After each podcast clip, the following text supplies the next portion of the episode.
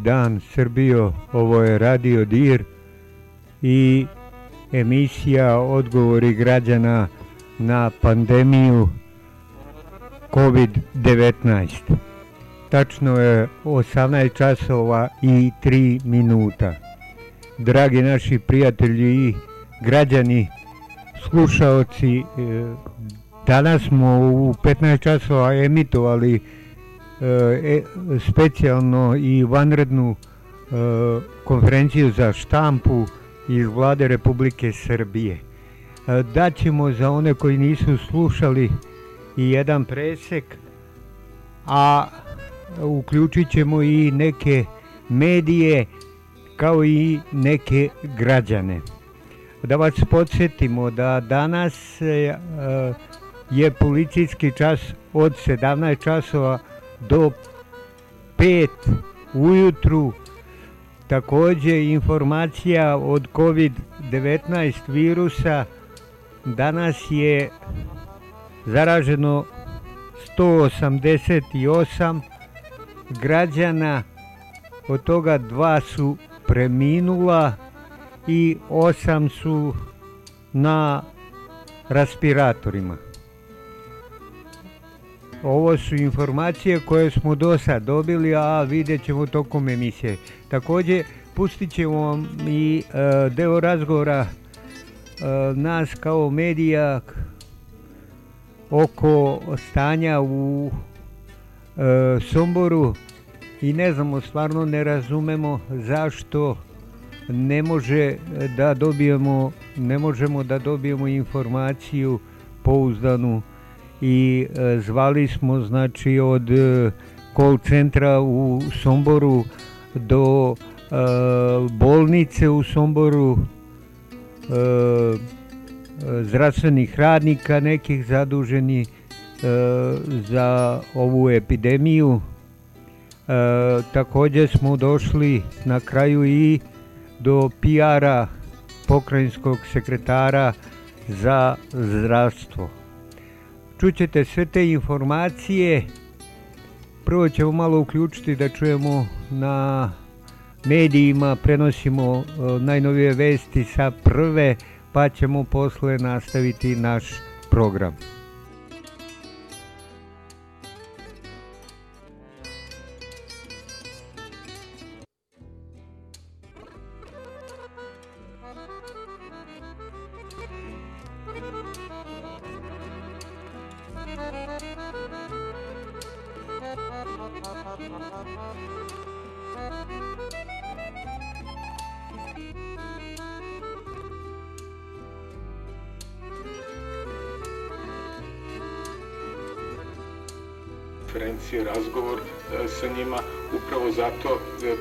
Se njihov obilazak i infektivne klinike i svih mesta gde, gde, se, gde se i leče trenutno i gde se planira lečenje ovaj, obolelih slušanjem svih e, podataka koje oni imaju da nam prenesu i uzajemnim usaglašavanjem šta je u ovom trenutku najkorisnije za nas. Oni su već izrazili vrlo izrazili su se vrlo povodno sa svim merama koje je do sada vlada naše zemlje preduzela. Otvoreni su za saradnju, spremni za sva moguća pitanja, to su lekari koji su u prethodna dva meseca praktično došli u kontakt sa hiljade ovih bolesnika. Imamo i epidemiologa, imamo i pulmologa, imamo lekare koje su radile u hitnoj pomoći, čuli smo i priče kako to izgleda kada se na dnevnom nivou susreću sa par hiljada potencijalnih sumnjivih slučajeva. Put infekcije jasno je definisan i tačno se zna ko se od koga, kako i kada zarazio. Kad nas pitaju, ušli smo u treću nedelju u drugim nekim zemljama, tada je počeo eksponencijalni rast. Da bude jasno, virus uopšte ne zna koja je nedelja, da li je druga, treća, peta. On samo nalazi put do osetljive osobe. I mi smo ti koji treba da mu sprečimo taj, taj put prenošenja. Da, I da shvatimo da ovaj virus ne može da opstane bez nas. Znači, on koliko god da može da opstane u spolješnjoj sredini, da li se to brojalo satima ili danima, on jedino može da se razmnožava u a, ljudskom organizmu.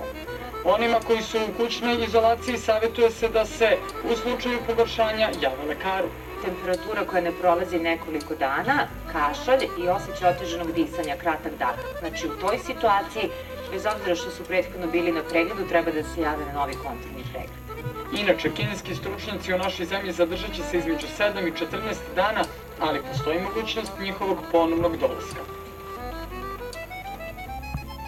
Filipe, danas je zasedao i krizni štab. Premijerka i članovi štaba razgovarali su sa kineskim stručnjacima iz Wuhana. E, takođe donete su brojne mere. Koje?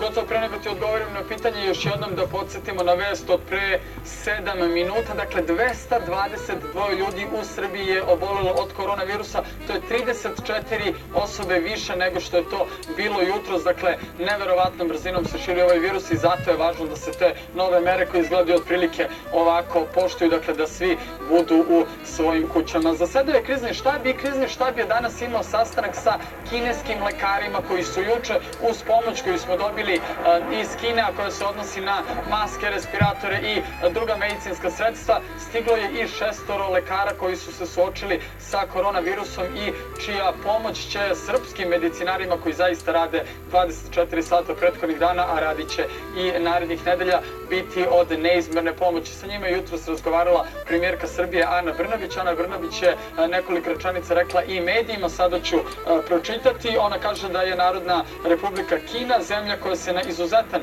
način suprotstavila virusu COVID-19 i da smo svi mi kao država neizmerno srećni što su kineski lekari ovde sa nama. Ana Brnabić još dodaje da je u ovom trenutku, ono što je dobro, ne postoje ljudi na svetu koji znaju više o ovoj zaraznoj bolesti i čije iskustva ne bi, i čije bi iskustva bila korisnija nama koji trenutno bijemo bitku sa koronavirusom. Mnogo vam hvala još jednom što ste sa nama istakle premijerka Brnabić. Kinezima se zahvalio juče i predsednik Vučić koji je jedan od dva aviona koja su stigla u našu zemlju i dočekao na aerodromu Nikola Tesla sa kineskom, sa ambasadorkom Kine u Srbiji Chen Bo. Narednih dana dobit ćemo još pomoći iz Kine, reč je o potpuno besplatnoj pomoći. Gocu, dakle, još jednom da ponovimo informaciju, verujem da ćete videti uskoro i na vašim malim ekranima. 222 ljudi obolelo je od koronavirusa i zato ostanite u kućama jer je to jedini način da se zaraza širi, da se spreči njeno širenje. Hvala Filipe, čuli ste na novije podatke, čuli ste takođe i da danas stupaju na snagu rigoroznije mere vlade Srbije zbog novo nastale situacije u vezi sa epidemijom koronavirusa. Tačnije od danas zabrana kretanja za sve građane važi od 5 popodne do 5 ujutru. A imajući u vidu posebne potrebe građana, izvođenje u šetnju kućnih ljubimaca dozvoljeno je svaki dan u periodu od 20 do 21 sat. S obzirom na to da su poslednjih dana umesto kod kuće građani više vremena provodili napolju, proveravali proveravali smo da li će se novih mera pridržavati. Ja bi, verujte mi, još strožije mere uvela. Ne bih ništa menja, mislim da daju efekta, a da li su potrebni ili ne, nisam siguran. Ja sam bivši sportista i naučio sam na disciplinu i red, to je jako važno. Treba možda i žešće. Kako se čini, naši građani su saglasni sa strožim merama vlade, među kojima je i zabrana boravka u svim parkovima i na javnim površinama namenjenim za rekreaciju i sport. A ovo je slika od danas. Pa disciplinom baš i ne možemo da se pohvalimo. U toku prošle noći u Beogradu uhapšeno je petoro ljudi koji su prekršili zabranu kretanja, a jedna osoba zbog kršenja mera samoizolacije. Oni su osuđeni na uslovnu kaznu od šest meseci zatvora. Ipak veliki je broj onih koji apeluju na ostanak kod kuće. Jedan od savjesnih građana podelio je sa nama fotografiju ulaza u Borskoj 30A uz poruku da je to njihov način borbe a s obzirom na to da policijski čas od danas traje od 5 do 5, radno vreme svih objekata će se u skladu s tim promeniti. Supermarketi radit će uglavnom od 7 do 15 sati, kao i apoteke. Beogradske pijace, osim Palilulske koja je zatvorena, radit će četvrtkom, petkom i subotom od 8 do 15 sati. Banke od 9 do 15 sati. Radno vreme pošte još uvek nije zvanično poznato, ali se pretpostavlja da će raditi do 15 sati. Tržni centri su zatvoreni do daljeg. Ponavljamo najnovije podatke u vezi sa koronavirusom. U Srbiji su danas do 18 časova potvrđena još 34 slučaja obolelih od koronavirusa, čime je ukupan broj zaraženih porastao na 222. Saopšteno je na zvaničnom sajtu COVID-19. Kako se navodi od poslednjeg izveštaja do 18 časova, testirani su uzorci 61 osobe, od kojih je 34 pozitivno i 27 negativno na novi koronavirus, a ovde e, iza mene možete videti i sajt koji objavljuje trenutni bilans obolelih i preminulih u svetu. Mi se vraćamo na vesti iz Srbije. Građanima starijima 65 godina jutro je omogućena kupovina namirnica i drugih potrebština u periodu od 4 sata do 7 sati ujutru. Za tu namenu otvoreno je preko 2000 prodavnica širom Srbije gde penzioneri mogu da obave potrebnu kupovinu namirnica i drugih proizvoda. Kako je to izgledalo, pratili su naši novinari u Beogradu, Novom Sadu, Čačku i Nišu.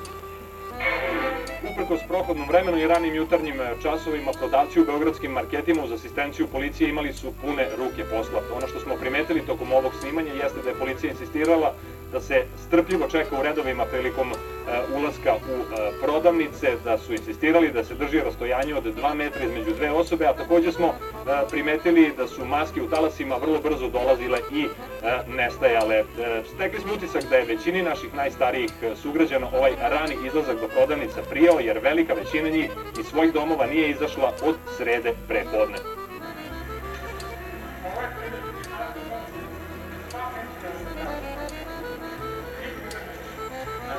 Ste sada prvi put izašli od srede od kad je uvedeno ovaj put? Vidno na su srećijan terasu, tako da sam disao vazduh i bez toga.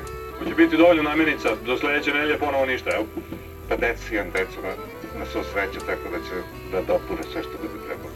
Pa uspela sam posle jedno sat vremena čekanja, ali... Velika gužva? Pa jest. Pa šta da radim, ali je ovo dobro ali je u stvari dobro e, zbog ovih mlađih ljudi. Znači, tu smo samo starci. I zbog vas pre svega. A i zbog mene, zbog nas u stvari. Ja imam 88 godina, pa evo sad tu. Ovako je bilo u Beogradu, a kako je sve ovo izgledalo u Novom Sadu, reći će nam Sandra Zekić. Najstariji novosađani ispoštovali su noćas preporuke nadležnih i e, u prve nabavke krenuli rano jutros od 4 sata pa sve do nešto posle 7 sati s obzirom na to da su se stvarali redovi ispred supermarketa koji su noćas radili baš u tu svrhu. Na ulazima u sve novosadske radnje koje su dočekivale najstarije sugrađane, e, policija delila zaštitne maske, a ulazilo se od po dvoje do petor u zavisnosti od veličina marketa. Ono što smo imali prilike da čujemo od sugrađana jeste da su došli po neke osnovne namirnice, a neki od njih prvi put su od uvođenja ovih mera zabrana kretanja za starije od 65 godina jutros izašli iz svojih domova. Evo šta su nam i rekli. Ovo je prvi put od prošle nedelje da sam izašla. Po šta ste došli? Šta vam je najpotrebnije treba?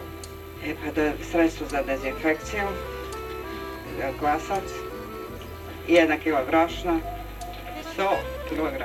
Samo sitnice neke. Brašno, šećer i htjeli smo gleba prema. Ove peršun, pa štrnad. Je li ima svega dovoljno unutra? Pa ne. Nema zelene salate, stavili smo salate. Grad Novi Sad je opredelio i apoteke koje će od večeras raditi 24 sata i na sajtu grada mogu, e, mogu se proveriti koje su to apoteke i u kojim mestima e, će raditi. E, u toku dana u susret zabrani kretanja od 17 sati bilo dosta guži na Novosadskim ulicama, uglavnom su svi kretali u nabavke onih osnovnih namirnica, a kako je u Čačku protekla i noć i dan zna naš kolega Gvozde Nikolić. Sandra, penzioneri i starije osobe u zapadnoj Srbiji jutro su iskoristili svojih pet minuta, ali iako je bilo redova, može se reći da gužve nije bilo. U Gornjem Milanovcu Drane Zore radilo je devet velikih prodajnih objekata u kojima nije bilo praznih rafova. Evo, dobro, dobro. Ima li svega? Ima, ima. Je bilo teško ustati jako rano? Kako što teško? Imamo svega od robe, jedino što nedostaje to je kvasac, a najviše ide brašno, šećer, ulje, prehrambeni proizvod. Mi ovdje imamo i e, mlin za proizvodnju brašnja. Brašna Čeković mlin iz e, Koštunića je ponudio pomoć najugroženijim licima sa teritorije opštine Gornji Milovac. Dakle, robe je imalo za svači ceger. Ako je u ovakvoj situaciji jedini problem kvasac, onda Srbija nema problema. A kakva je situacija na jugu zemlje, zna naš kolega iz Niša Mirko Perović. U Nišu ispred maloprodajnih objekata koji su jutro su četiri otvoreni kako bi se najstariji sugrađani snabdevali osnovnim životnim namirnicama, užva i redovi. Policija kontroliše da li se svi nalaze na razdaljini od 2 metra, a na ulazu u svaku prodavnicu od 15, koliko je u gradu bilo otvoreno jutros, stoje volonteri koji dele zaštitne maske. Iako većina naših sugrađana starijih od 65 godina zna da na teritoriji svih pet gradskih opština postoje centri, ipak kažu da je ovo dobra prilika da sami izađu iz kuće i da dođu do prodavnice. Sve to hitno što treba da kupite danas. Jeste, Boga mi, znaš to, ja nisam pravio nikakve zavrte. Znaš to, Morali da dođete jutro s okronom na treba mi po nešto da uzmem. Znate da postoje call centri, možete pozovete broj, date novac, dođu, date spisak. Ne mogu da, ne vidim dobro i ne mogu da prepišem na televiziji, ne znam broja još. Brojni srpski državljani ostali su zarobljeni u inostranstvu ili na raznim aerodromima širom sveta zbog situacije sa pandemijom. Mnogi od njih se organizuju putem društvenih mreža i mole za pomoć. Deo sam grupe srpskih turista i studenta koji se nalaze zaglavljeni na Baliju. Naime, naša grupa od 13 Srba, dve Crnogorke i dvoje Makedonaca je sinoć pokušala da se ukrca na let za Zagreb i dobili smo informaciju kako je država Hrvatska nekoliko sati prije našeg poletanja ukinula prihvat stranih državljana i mi smo samo prosto vraćeni nazad u sred noći. Trenutno se ovde nalazimo na balju svi u strahu jer ne znamo šta će biti. Srbijo, ovde imaš 40 ljudi na aerodromu u Dohi i dolazi još 30. Već tri dana sedim ovde, bez hrane, bez vode, Katar nas čuva, ali ne znamo još koliko. Apelujemo na vas da izvršite pritisak da nas što pre izvuku odavde. Mi imamo avion, ali nemamo odobrenje. Nalazimo se u nemogućoj situaciji. Ne znamo još koliko će ovo da traje, aerodrom će uskoro biti zatvoren. Ima nas oko 30 i želimo da pozdravimo naše roditelje da im kažemo da ne brinu, da je ovdje još uvijek ok stanje, ali za dva dana Kuba će zatvoriti granice za strance, što znači da ćemo mi ovdje ostati i nećemo moći nikako da se vratimo. Nadamo se stiže lepa za sve ove zarobljene Srbe koje smo upravo videli. Air Srbija kreće u akciju spasavanja naših državljana. Avione sutra kreću u Moskvu i Toho, a pokušat će da prevezu i putnike sa Balija, prenose večernje novosti. Po nalogu vlade Srbije nacionalna aviokompanija sutra organizuje dva specijalna leta za evakuaciju naših državljana. Ideja je da avion u Moskvi prihvati i srpske državljane koji se trenutno nalaze na Kubi i rade na transferu do Moskve. Ministar spolnih poslova Ivica Dačić kaže da vlada i ministarstvo evidentiraju srpske državljane koji su zarobljeni u inostranstvu. Ne treba e, buditi neka lažna očekivanja i nade da sada će vlada Srbije da pošalje avion u Peru. Mislim da je to nemoguće. Oni moraju da se snađu da dođu nekako do Evrope, a vidjet ćemo dalje kako će se dalje odvijati. Evidentirat ćemo sve ljude koji se nalaze negdje na aerodromima. Tu, e, jedino što će se organizovati let za New York, e, zato što ima mnogo naših studenta koji tamo studiraju. Raste broj obolelih i umrlih i u regionu i u svetu od koronavirusa. Zaraženo je skoro 325.000 ljudi, umrlo blizu 14.000. Oporavilo se 96.000 ljudi. Najkritičnije je i dalje u Italiji, kao i u Španiji, u kojoj je u poslednje 24 časa umrlo 375 ljudi. Brojne vlade uvode drastične mere ograničavanja kretanja. I sveta stižu slike praznih ulica, zatvorenih javnih mesta, novih strožih mera i vesti o prvim žrtvama u mnogim zemljama. Kina je danas izvestila da ima 46 novih slučajeva koronavirusa, ali u Wuhanu četvrti dan za redom nije zabeležen ni jedan novi slučaj žrtve koronavirusa i na Kosovu i u Severnoj Makedoniji. Umrli su muškarac star 82 godine iz sela Dumnica u opštini Podujevo i 57-godišnja žena iz Kumanova. Prva dva smrtna slučaja potvrdila i Rumunija u kojoj ima 367 potvrđenih slučajeva, a u toj zemlji se večeras uvodi policijski čas. Nije poznato koliko trenutno ima zaraženih u Hrvatskoj, jer rezultati kasne zbog serije zemljotresa koji su pogodili Zagreb. U Crnoj Gori potvrđena su dva nova slučaja koronavirusa, čime je ukupan broj povećan na 16. U Sloveniji je broj obolelih prešao 400.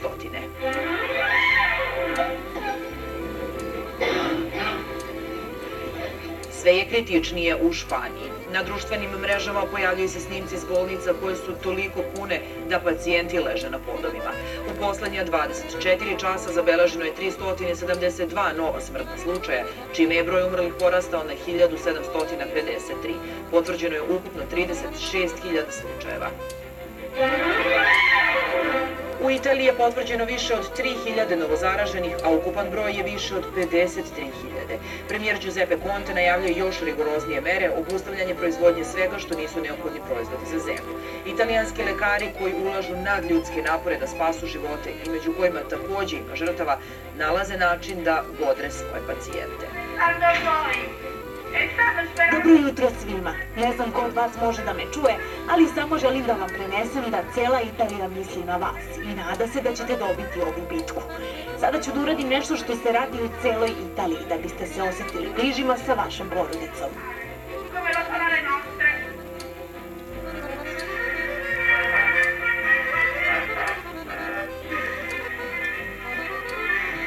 U Francuskoj su registrovani teški oblici koronavirusa čak i kod mlađih pacijenata, a zvaničan podatak je da je 50% hospitalizovanih na intenzivnoj nezi mlađih od 60 godina. I Francuska beleži prvi smrtni slučaj među medicinskim osobljem, a broj umrlih je blizu 600. Zaraženo je skoro 15.000 ljudi i Nemačka se suočava sa sve većim brojem zaraženih, ali zato najmanje umrlih. Sada ih je skoro 24.000, a broj umrlih porastao je na 93. U toj zemlji se očekuje uvođenje značajnijih ograničenja slobode kretanja. Iran je i dalje jedna od zemalja van evropskog tla koja vodi najtežu borbu sa koronavirusom. Umrlo je još 129 ljudi, te je sada u toj zemlji prijavljeno 1685 umrlih i skoro 22.000 obolelih. I operski pevač Placido Domingo pozitivan je na koronavirus. On je saopštio da se sa porodicom nalazi u samoizolaciji. Osećam da je moja moralna obaveza da saopštim da sam pozitivan na COVID-19. Moje porodici ja bit ćemo u samoizolaciji dok god bude medicinski neophodno naveo Domingo i dodao da je trenutno u dobrom stanju. Zbog pogoršanih vremenskih uslova, Vojska Srbije odlučila da otvori još jedan prihvatni centar i to u Subotici. Ko će biti smešten u tom kampu, karantinu, zna novinar Dejan Bajić koji je imao prilike da obiđe kamp pre otvaranja. Ovaj prihvatni centar u Subotici do pre svega nekoliko dana bio je mesto gde su boravili migranti. Za svega 24 časa uz veliku angažovanost Vojske Srbije i ljudi iz komesarijata za izbjeglice, on je pretvoren u pravi karantin. Naime, u ovom karantinu moći će da budu svi oni koji imaju državljanstvo Srbije, ali koji nemaju adresu i mesto prebivališta na teritoriji Republike Srbije. Dakle, reč je o ljudima koji će zbog koronavirusa morati da se nađu u izolaciji, ali samo o onima kojima sanitarna inspekcija propiše karantin. Dakle, neće ovde boraviti svako ko pređe na teritoriju Republike Srbije. Nakon realizacije svih planiranih aktivnosti, stvorili su uslovi da ovaj centar u, u narednom periodu funkcioniše bez problema.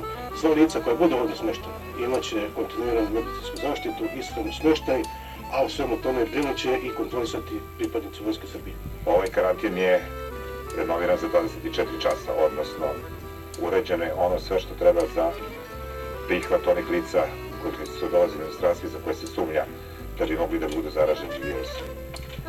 Ono što smo u detaljnom pregledu videli to je da je sve ono što je potrebno za boravak lica u ovom prostoru obezbeđeno. Već danima epidemiolozi apeluju da je najvažnije da nam COVID-19 ne uđe u zdravstveni sistem. Posle Niša to se dogodilo i u Vranju.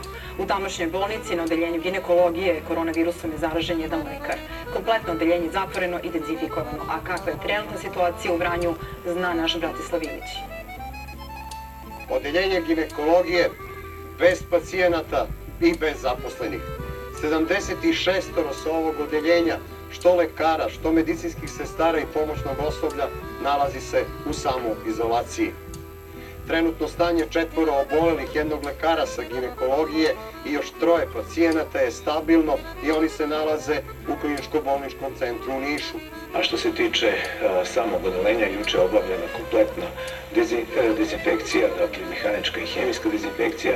Mi smo za svaki slučaj jednu operacijnu salu u hiruškom novom bloku izdvojili opremili za slučaj da je a, neki hitan porođaj koji ne može da trpi transport ili neko drugo urgentno stanje, da pripravne ekipe, pre svega ginekologa iz Doma zdravlja, Doma zdravlja, odnosno dispanzera za žene, mogu da u tom trenutku reaguju.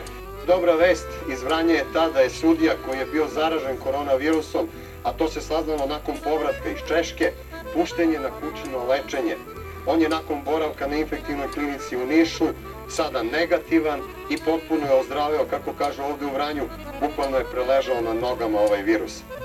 Pored ovih loših vesti o broju zaraženih u Vranju, mi smo danas uspeli u ovom gradu i da snimimo jedan uh, lep događaj, venčanje sa samo četvoro osoba. Venčanje? Jeste. Koliko je ovo svatova? Pa Minimum četvoro. Četvoro. Mi, nas dvoje i, i dva svedoka, to je to. Je malo neobično? Jeste. Jeste malo neobična situacija. Sa srećom. Hvala. Hvala. Prijatno. Eto i malo lepih slika iz Vranja, a i pored zabrane okupljanja, ne tako lepa slika stiže i iz pravo, Srpske pravoslavne crkve, da je u porti crkve Svete Trojice u centru Kraljeva obeležen praznik mladenci. Većina građana je bila sa decom u naručju ili u kolicima bez zaštitnih maski i rukavica. Iz crkve kažu da su liturgije u hramu održali u 8 sati samo sveštenici bez prisustva vernika koji su došli na pričest i da je pričest obavljen u porti crkve, kao i da su se vernici razišli oko 9 sati.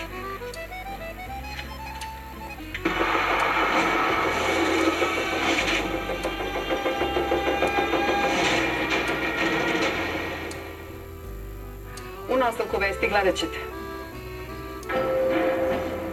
Prvi kamioni iz centralne Srbije došli na Kosovo posle ukidanja takse na sirovine. Usled pandemije korone, 70.000 američkih vojnika iskrcalo se u Nemačkoj. Zašto? Da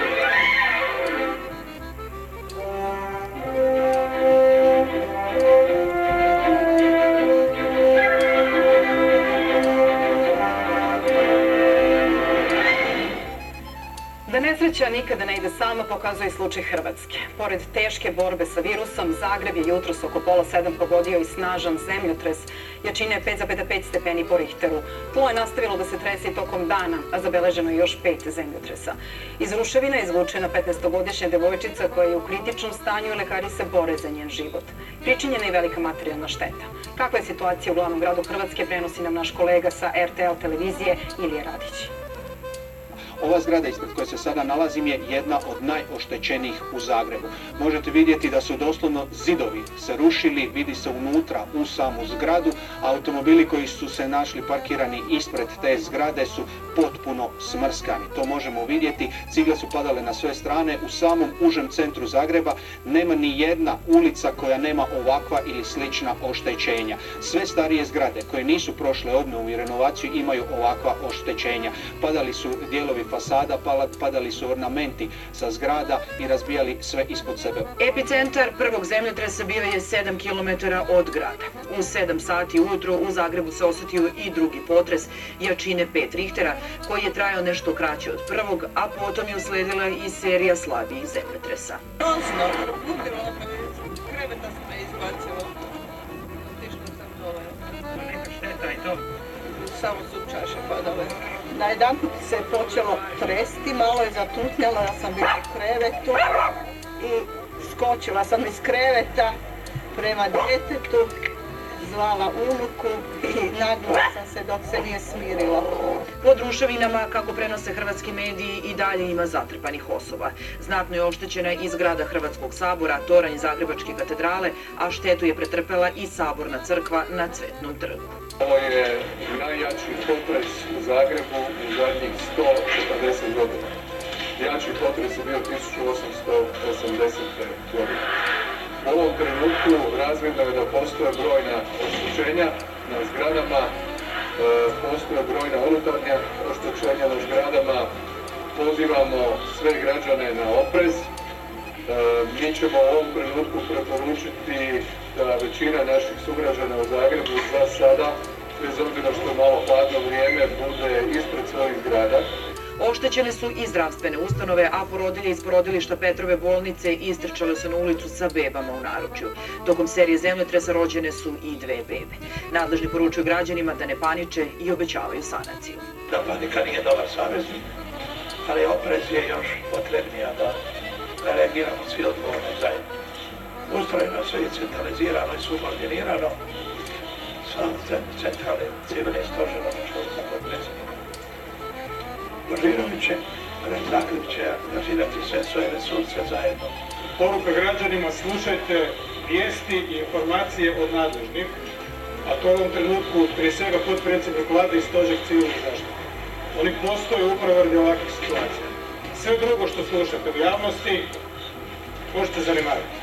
Na ulicama glavnog grada Hrvatske su i vojska i vatrogasci. Izbilo je i nekoliko požara, a zemljotres se osetio i u Sloveniji, gde na svu sreću nije oštećena nuklearna elektrana Krško, a Austrija ipak traži njeno zatvaranje jer se nalazi na trusnom području. A posla za vatrogasce bilo je u Beogradu, dva odvojena požara koji su izbili noćas i jutros u naselju Sremčica poginulo je dvoje ljudi. Sinoć je oko pola 12 stigla prijeva vatrogascima da gori pomoćni objekat kuće. Na teren je izašlo pet vatrogasnih vozila i 17 vatrogasaca i po lokalizaciji požara pronađeno je ugljenisano telo. Drugi požar prijavljen je jutros u 7 časova i 45 minuta, gorela je prizemna kuća, izgorela je soba od 20 kvadrata i u njoj je zatečeno beživotno telo, rečeno je u. A predsjednik Srbije danas je bio u nenajavljenoj poseti Budimpešti gde se sastao sa mađarskim premijerom. Vučić i Orban razgovarali su o bilateralnim odnosima, saradnji i solidarnosti u borbi protiv koronavirusa, kao i planovima za podršku ekonomskom razvoju dve zemalja nakon završetka pandemije. Predsednik Vučić zamolio je premijera Orbana da se kao veliki prijatelj Srbije založi za ubrzano uključivanje Srbije i Zapadnog Balkana u programe pomoći Evropske unije za borbu protiv koronavirusa i otklanjanje ekonomskih posledica pandemije. Razgovaralo se i o migranskoj krizi. Grupa Evropske narodne partije u Evropskom parlamentu izražava solidarnost sa Zapadnim Balkanom u borbi protiv COVID-19 i poziva Evropsku komisiju da regionu raspodeli sredstva za ublažavanje efekata pandemije. U pisanom saopštenju najjača grupa u Evropskom parlamentu, Evropska narodna partija, poručuje da u ovim teškim vremenima stoji uz partnere na Zapadnom Balkanu. Pozivamo Evropsku komisiju da rasporedi sva sredstva neophodna za ublažavanje efekata pandemije ne samo na ljude, već i na preduzeća, kažu u Evropskoj narodnoj partiji. U petak u ponoć počela je da važe odluka vlade Kosova kojom se ukidaju 100% takse na sirovinu iz Srbije i Bosne i Hercegovine. Međutim, zbog čitavog problema sa epidemijom virusa COVID-19 na administrativnim prelazima nema gužvi. Da li je krenula srpska roba na Kosovu i sa kojim se problemima susreću vozači kamiona i trživala Anđelka Ćup? Na Merdaru, administrativnom prelazu između centralne Srbije i Kosova, kao što vidite, nema kamiona ni u jednom pravcu. Pretpostavljamo da je to zato što je danas nedelja i što danas kosovska carina ne radi. Od carine Kosova nismo uspeli da dobijemo informaciju koliko je srpske robe u proteklih 48 sati stiglo na Kosovo. U kratkom mailu rečeno nam je da je pitanje uvoza isključivo nadležnost carine. A zašto su takse ukinute baš sada? Nestašica, klimava vladina koalicija ili pritisak Amerike? Ukidanje takse na sirovine bilo je neophodno zbog lokalnih preduzeća, naročito prehrambenog i građevinskog sektora. Iako su neke kompanije uspele da nabave sirovine iz drugih zemalja, moramo priznati da su preduzeća morala da plaćaju daleko veće dažbine. Albin Kurti je ostao dosledan svom obećanju. Od 1. aprila se ukida taksa na svu robu, ali se uvodi princip reciprociteta. Sa tim se ne slažu ni koalicijni partneri, ni SAD, ali ni opozicije. Kosova već da U najosetljivije vreme za Kosovo vlada umesto da obnovi oštećene odnose sa Sjedinjenim američkim državama namerno potiče i orkestrira antiamerički duh zanemarivanjem američkih preporuka i suprostavljanjem zahtevima Sjedinjenih američkih država.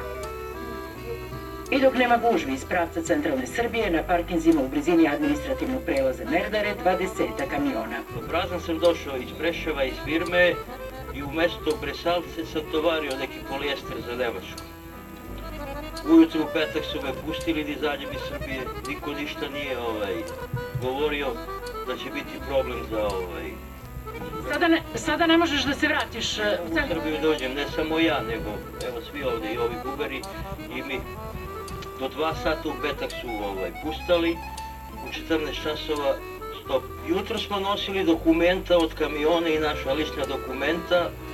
Ovaj kolega baš sa žutim ovim Volvovom je zvao 200-300 brojeva svuda gde su mu rekli, svuda je zvao i niko ne zna da mu kaže šta mi čekamo ovde, uporno se govori na televiziji da su granice za teretnjake otvorene, međutim mi evo od petka popodne čekamo. I dok vozači čekaju da se vrate u centralnu Srbiju, građani Kosova da dođe roba iz centralne Srbije, Albin Kurti čeka smenu. A dok se Evropa bori sa koronavirusom, 70.000 američkih vojnika stiglo je u Nemačku. Vojnici i tenkovi sleteli su u Hamburg na aerodrom Erding. Ono što se može čuti u komentarima koji kruže društvenim mrežama, Nemci su najblaže rečeno zbunjeni. Neki od njih je i uhvatila panika. A svi se pitaju zbog čega desetine hiljada američkih vojnika sa oklopnom mehanizacijom dolazi u njihovu zemlju. Jedino što se može nametnuti kao mogući odgovor je da se radi o pripremama za vežbu Defender Europe 20.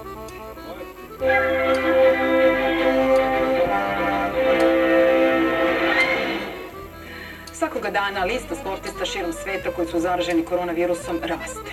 Većina shvata ozbiljnost situacije. Damire, mnogi od njih se obraćaju e, javnosti putem društvenih mreža i apeluju na svoje fanove. Da, gotovo upravo si jer e, državama, lekarima, epidemiolo- epidemiolozima je svakako potrebna pomoć u ovoj situaciji, u toj molbi, apelu da se svi pridržavamo svih ovih pravila u borbi sa epidemijom. Novak Đoković provodi vreme sa porodicom i obratio se putem Instagrama svojim sunarodnicima, ali i čitavoj planeti. Molim se za sve ljude, pogotovo za one kojima je podrška i molitva sada najviše potrebna, da ozdrave i da svi zajedničkim snagama prebrodimo ovaj virus. Teška su i izazovna vremena, mnogo ljudi pati i sada je neophodno da se svi ujedinimo i kolektivno shvatimo šta nam je najbolje činiti kako bi se iz svega ovoga izdigli zdraviji, mudriji i zahvalniji. Zahvalan sam na velikoj požrtvovanosti i energiji koju ulažu vredni i pametni ljudi iz medicine kako bi pomogli velikom broju ljudi kojima je pomoć veoma potrebna. Molim vas da ostanete kod kuće u karantinu kako bi pogotovo njima pomogli da što bolje i efikasnije rade i pomažu ljudima koji su u kritičnom stanju. Sada se nadam da ćemo svi shvatiti koliko dela svakog pojedinca utiču na opšte stanje nacije i planete. Bog vas sve blagoslovio i želim vam svima zdravlje, ljubav i mir. P.S. Velika zahvalnost svim zemljama koje se uzajemno pomažu u ovim teškim trenucima. Republika Kina, koja je veliku muku pretrpela u borbi sa virusom, šalje nesebičnu svoju pomoć Srbiji kroz svoje medicinske stručnjake i opremu koja će nam mnogo značiti. Hvala vam. Treneru i legendi Crvene zvezde Dejanu Stankoviću, supruga i sin su i dalje u Italiji. jer sam svakodnevno u kontaktu sa mojom suprugom Anom i sa sinom Filipom koji su ostali u Milanu.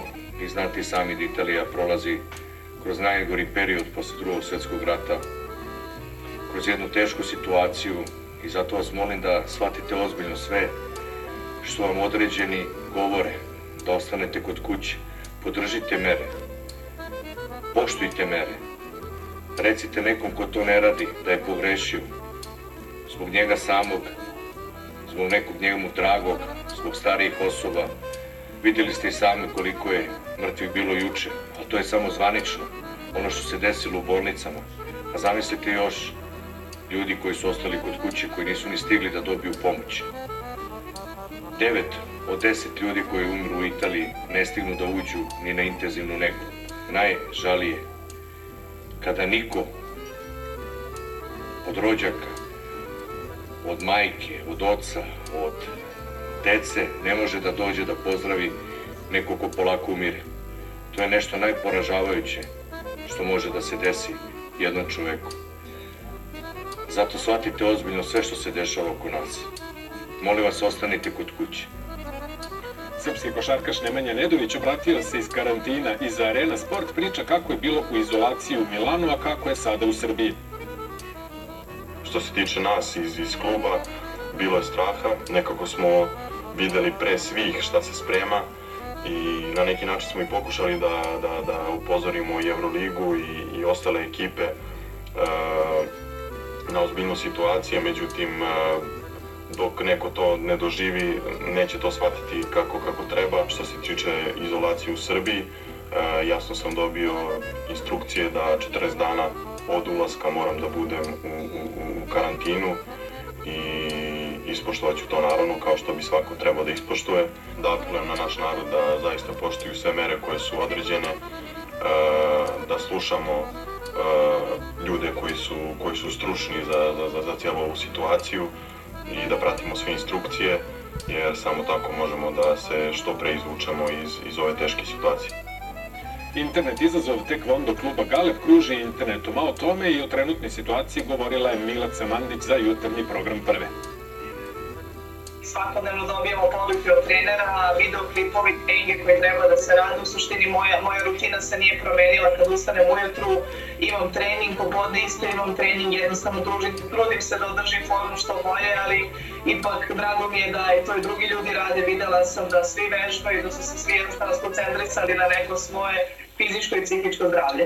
Na nama je da, da sprečimo bilo kako širenje ovog virusa, tako da i kad izlazim napolje, rukavice, maska, jednostavno dolazim u kontakt sa drugim ljudima i mislim da je to najbitnije, jednostavno da, da budemo pametni u ovom momentu, da budemo odgovorni, da budemo solidarni prema drugima, to znači da ne budemo sebični u nekim momentima i da kupujemo previše stvari, jednostavno Nekadašnji predsednik Real Madrida Lorenzo Sanz umro je u 76. godini od posledica zaraze koronavirusom.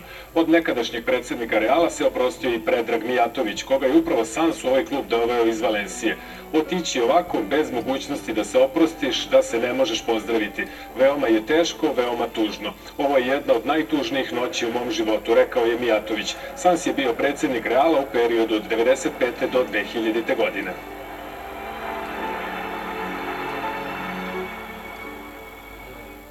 Košarkaši Fenerbahča su testirani na virus i srećom rezultati su negativni. Ipak svi igrači su u kućnom karantinu kao i treneri. Jedan od članova sportskog sektora ostao je u bolnici jer se sumnja da je njegov test bio pozitivan. A u Rusiji, dok su mnogi timovi u izolaciji i odmaraju, košarkaši CSKA iz Moskve su odigrali trening meč. Igrači su se podelili u dve ekipe, a plavi su pobedili crvene 103-72.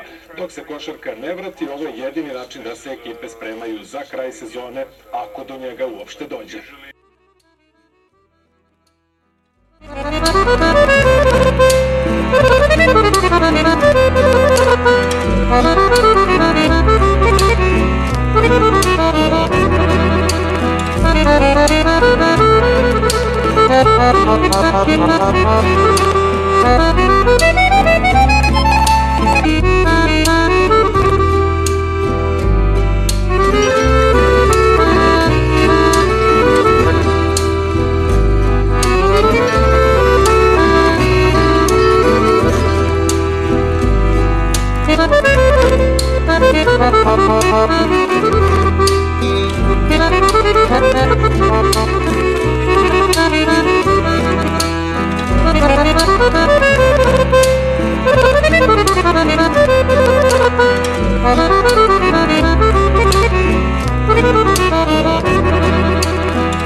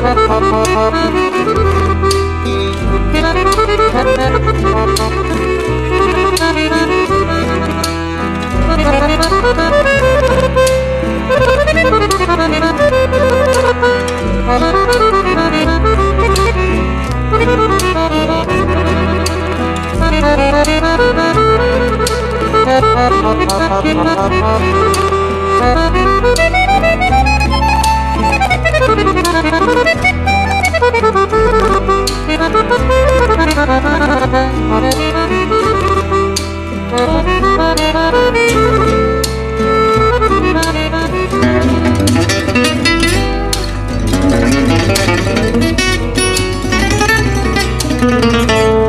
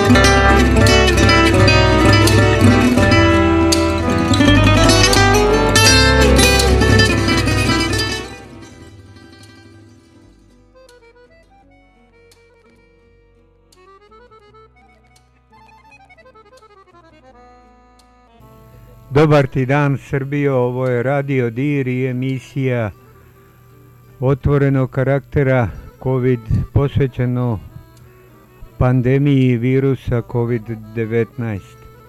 E, najnovije informacije koje možete naći na stranici Ministarstva zdravlja ukazuje da je do ovog trenutka u Srbiji obolelo 222 lica, što je e, mnogo od jutros e, negde oko 30 lica više e, od informacije koje smo imali jutros. Takođe, jutros je potvrđena i informacija da je jedna starica od 92 godine preminula u Beogradu, i jučerašnji slučaj iz Sombora nam ukazuje na jedno lice što je ukupno dva lica preminula. Neke informacije govore da je oko 18 lica pod uh, uh, negom, uh, to jest nalaze se pod aparatima, respiratorima u, medicinskim centrima. E, što je zanimljivo, o, o, jako teško o, mediji dobijaju informacije, samo oni mediji koji su, da kažem, bliži e, e, vlasti, oni e, kao mediji dobijaju informacije što mislimo da nije u redu, svi mediji su mediji i treba da informišu građane, mi se trudimo kao mediji e, u, kao javni servis e, informisanja građana da e, radimo korektno svoj posao. no danas smo pokušali tragom nekih informacija koje smo još juče dobijali iz Sombora da dobijemo informacije o dešavanjima, ali nismo uspjeli ništa da dobijemo pa su nas uputili na ministarstvo zdravlja, čućete te priloge. U ministarstvu, pokrajinskom ministarstvu, to je sekretarijatu, izvinjavam se, zdravlja, došli smo do pisane informacije gdje se govori samo da je jedno lice koje je e, zaraženo pre, e, predneto i preveženo u e, klinički centar Vojvodine, a o broju medicinskih radnika i stanju u bolnici nema ni reči. To je u jednoj rečenici sve. Mi smo pokušali od call centra Sombora pa do PR-a sekretarijata zdravlja da dobijemo neke informacije, nažalost do sada nismo uspjeli dobiti informacije. Ne znamo zašto se ne dozvoljava medijima da dođu do informacija, da pomognu, da se zna tačno koliko je tih zdravstvenih radnika i zašto bi to bilo tajna da se zna koliko zdravstvenih radnika je obolilo u Somboru i za to lice i koliko u stvari u, u Somboru uopšte e, ima obolelih od koron, koronavirusa COVID-19. Imamo tu još neke zanimljive priloge koje ćete čuti. Kažem, jako je teško da se dođe do informacija. Evo, sada ćemo za početak, znači, E, dati e, informaciju e, koju smo mi pokušali da dobijemo zivkajući kažemo od call centra pa nadalje poslat ćemo vam sada i pustiti informacije da bi vidjeli kako je jako teško doći do onih informacija koje bi nam dali pravo stanje u, e, u Srbiji uopšte u tim bolnicama gdje se nalaze oboleli od koronavirusa.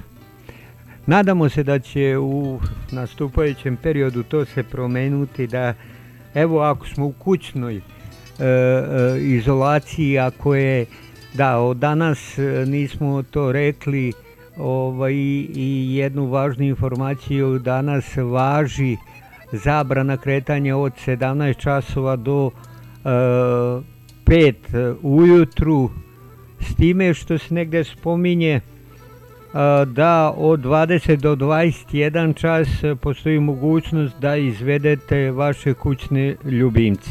Kako to se radi ne znamo stvarno ništa detaljno kako ako je policijski čas vi izvedete kućnog ljubimca samo da se ne desi da budete i vi kućni ljubimac privedeni zbog nepridržavanja pravila o kretanju za vrijeme policijskog časa. E, dosta je zbunjeno, e, dosta je zbunjeno i što se tiče protoka informacija, plasira se samo informacije koje vlada i e, neke strukture nam preko javnih servisa pokušavaju preneti. Tako da ovaj, malo smo i mi zbunjeni i ne znamo kako da se kao mediji ponašamo, pokušavamo da pratimo iz situacije u situaciju, ali je to stvarno onemogućeno. Koji je pravi razlog ne znamo, ne želimo da izazivamo paniku, ali već je panika među ljudima zato što se donose neke odluke bez većih obrazloženja. Vidimo, raste, raste broj obolelih, to je u redu ali ako raste broj oboleli treba se tačno uh, uh, izlaziti sa uh, tim brojkama i stanjem e, u svim e, lokalnim upravama i gradovima. Ako je u Somboru po onim podacima koje smo dobili preko društvenih mreža došao čovjek nesavesno, došao nesavesno lice jedno obolelo od posle se ispostavilo obolelo od koronavirusa pre toga je došao zbog radi druge pomoći medicinske i bio u kontaktu sa medicinskim osobljem ovaj, to je trebalo sigurno nekako sprečiti. Kako je on prošao u bolnici kada se znalo da bolnice čuva vojska, verovatno zbog toga što je prijavio da je popio mnogo lekova i to je bilo razlog, ali to ne treba mi da nagađamo, to se treba saopštiti u javnost, tačno kako, na koji način je on dospeo u bolnicu i kako je kao takav uspeo da zarazi koliko medicinskih osoba, to jest lekara i onih medicinskih sestara koji prate i obslužuju lekare. I koji je deo od klinike u Somboru ovaj, u tom trenutku bio zaražen. Samo u jednoj rečenici se spominje, a čućete to izveštaju, da se to desilo u Somboru. Nikako se ne ide o nekim detaljima, koliko još jednom podlačimo je medicinskih radnika tu bilo direktno izloženo u kontaktu sa tom osobom koronavirusu. Dalje se priča da će sekretarijat i službe zdravlja dopuniti taj broj lekara u Somboru što je u redu, ali kažem davanje netačnih informacija malo unosi i paniku i malo građani nisu baš najbolje informisani i izbunjeni su. Zašto mora od 17 časova, onda će se desiti taj deo od 12 sati, jer 12 sati smo pod karantinom, 12 sati ostalih da će biti gužvi i da se neće moći izbeći, pogotovo u većim gradovima neće se moći izbeći bliži kontakti. Druga stvar što smo primetili danas, ne pridržavanja mera nekih u, danas su mladenci, pravoslavni, pravoslavni jedan dan verski i ljudi koji su došli da se pričeste, prvo bili su kako i u Novom Sadu, tako vidimo i u drugim gradovima Srbije, bili su tu pred hramom, ne na, a ima primjer u Požarevcu koji su objavili javni mediji, da su bili na nepropisnoj udaljenosti jedan od drugog i i to je sad pitanje da li se to moglo sprečiti, na koji način oni koji su vernici mogu da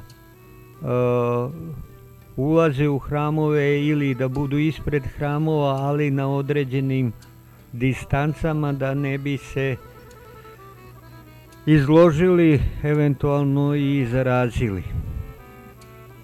To su sad pitanja, ali ta sva pitanja treba da nam daju, mislimo da slabo se daju informacije i na lokalu trebalo bi ne da se baca loptu, zovite ovog, zovite onog, okrenete 5-6 brojeva i na kraju ne dobijete informaciju.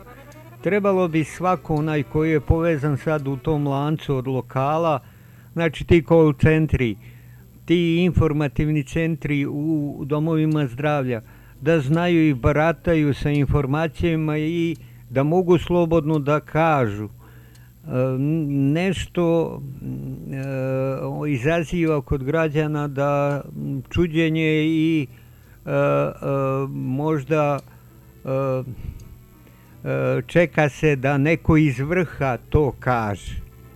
Da li je to potrebno, pogotovo ako se proširi ova pandemija i, i, i e, ova bolest, e, kako onda dok ne dočekamo da predsjednik države i predsjednik vlade nam saopšte, mislimo da će to biti kasno. Da to treba na lokalu nekako da se uredi, da se odredi e, ko sme i normalno da taj funkcioniše, da može se kod njega obratiti mediji i da dobiju informacije po lokalu.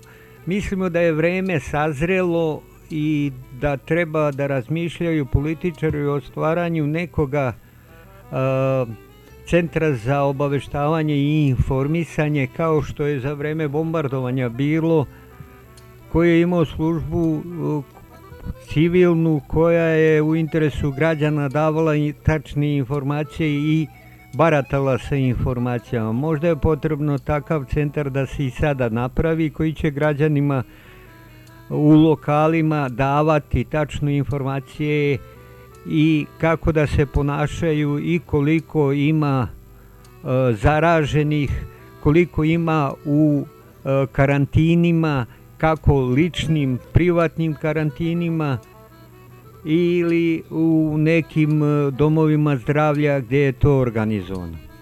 Mislimo da je krajnje vreme e, da ne zaustavlja se takve informacije i e, onda će možda građani drugačije se odnositi ako bude se nastavilo ovako samo donošenje mera i kako je predsjednik u jednom delu obraćanja rekao i 20. časa da se zaustavi e,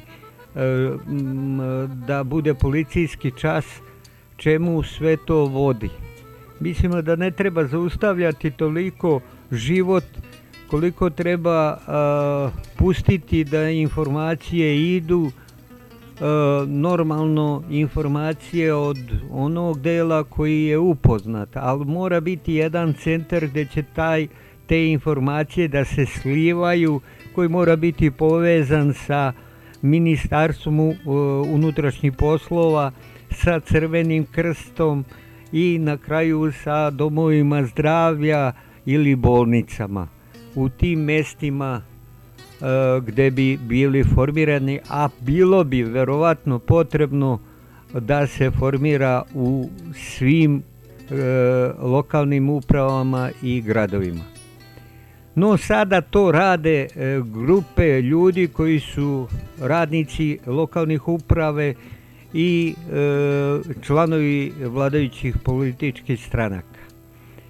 Tako da građani su malo zbunjeni, ali se pridržavaju svi tog karantina kućnog koji je eto nametnut e, što je dobro sigurno treba što manje da se izlazi, da se kreće, trebamo zaštititi jedne druge, ali kažem još jednom način možda bi to moglo drugačije da se reši. Šta ako se većina tih ljudi koji su bili volonteri iz lokalnih uprava i e, oni e, e, porazboljevaju. Kako onda, ko će onda da e, volontira više? E, da li i na koji način to se treba ovaj uraditi sasvim je nejasno. Da li država treba da malo to sve e, dok ne bude kasno iskristališe, podeli zadatke na drugi način, ne samo uvoditi mere zabrane od toliko i toliko časova kretanja.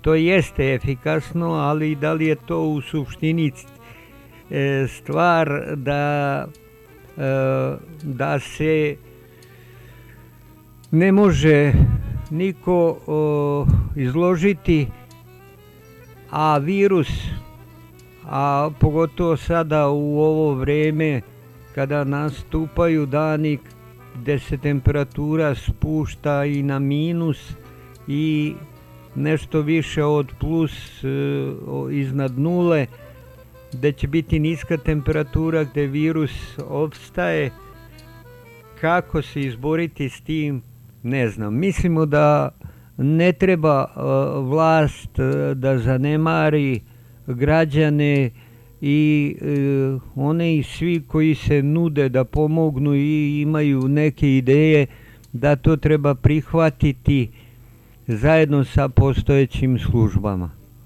Eto, to je sad neko moje e, građansko viđenje i koje sam želeo da saopštim. Znači, sigurno je potrebno praviti centre za obaveštavanje i informisanje e, koji bi imali funkciju, još jednom podlačim, da skupljaju, ne moraju to biti doktori i e, medicinsko osoblje, oni ne rade svoj posao, to mogu biti e, ljudi koji su služili vojsku, koji imaju neko iskustvo, pogotovo u nekadašnjim centrima za obaveštavanje koje su od e, znači e, do bombardovanja i do 2000 te postajali kao taki i pokazali se kao efikasni koji osim e, nekih stvari imali su informacije da li je voda, koliko je pitka, gde će nestati, zašto struje nema i gde je saobraćajna nesreća, gde je izbio požar, gde je ovo, gde je ono.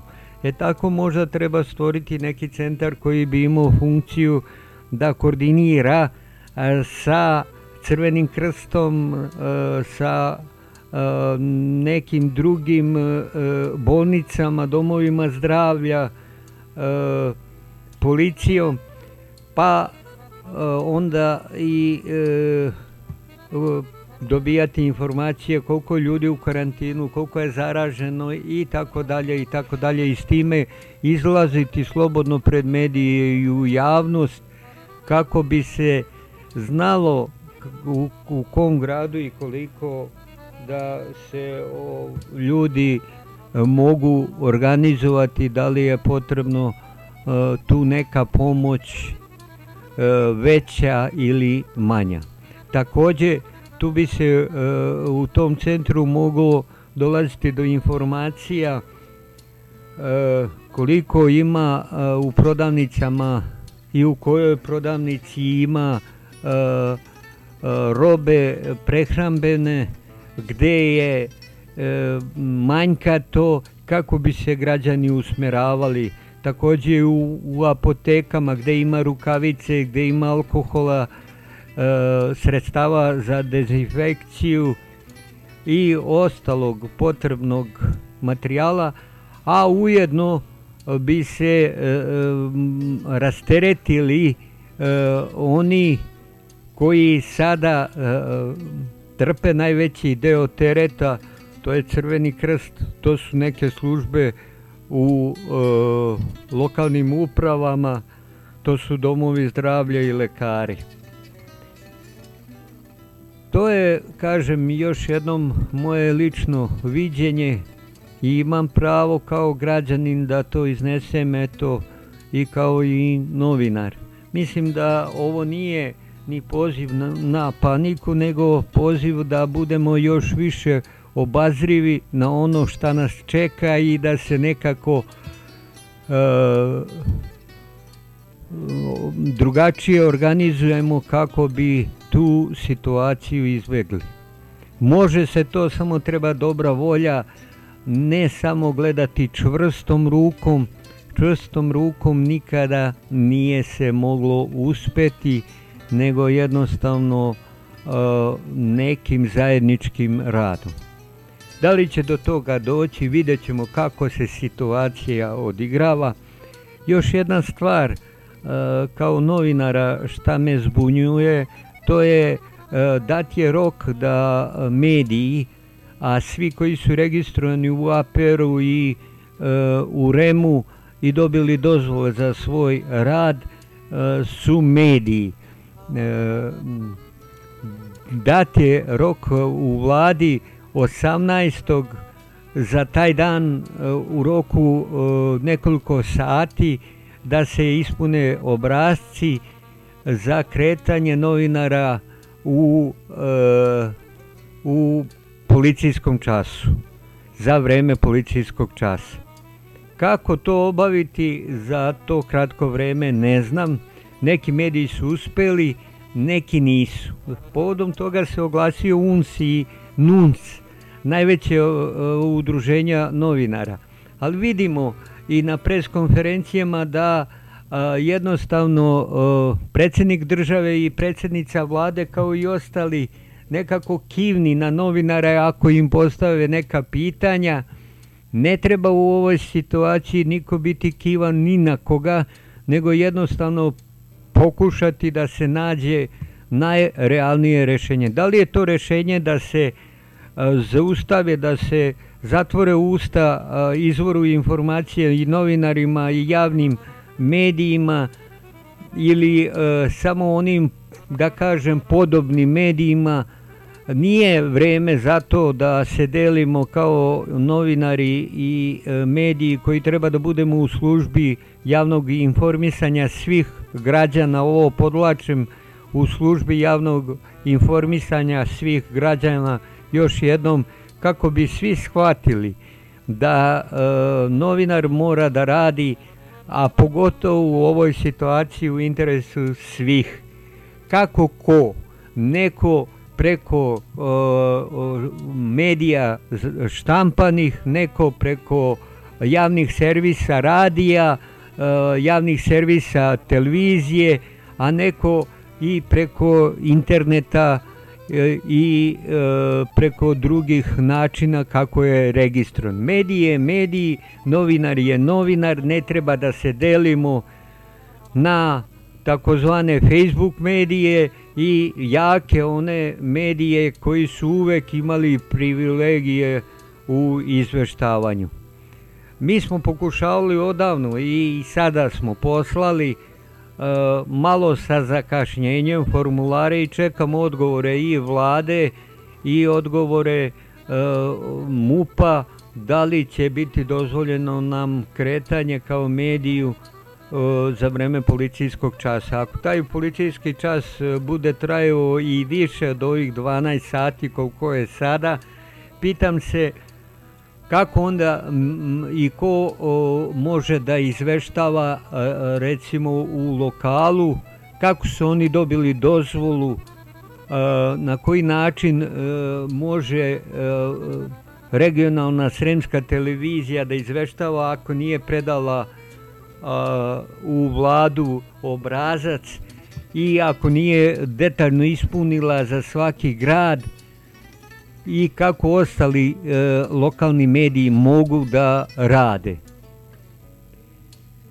Ne znamo da li će i tu sad početi se deliti na podobne, nepodobne ili će se uvažavati to da smo svi na istom zadatku, kažem još jednom, javnom informisanju svih građana i oni koji, koji su članovi udruženja znaju da za svoj rad moraju, moraju se strogo pridržavati novinarskog kodeksa. Međutim, kod nas odavno neki mediji krše novinarske kodekse i zato su bili bogato nagrađivani na konkursima od strane vlasti.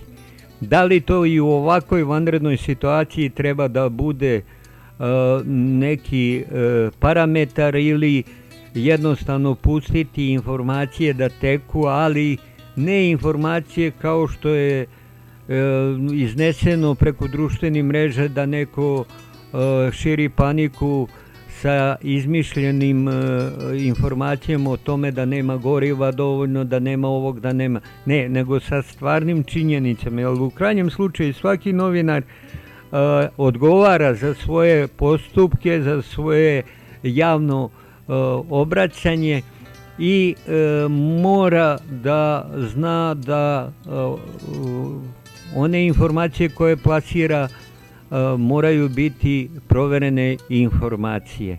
ali ne sme se nikako selektirati i selektivno deliti informacije medijima, nego oni koji su registrovani, koji imaju sve svoje dozvole, mora im se omogućiti, bio on mali sićušan kao mi ili veliki kao Pink ili RTS i drugi mediji. RTS treba da je servis svih građana, a Pink je privatna televizija, ali koristi nacionalnu frekvenciju.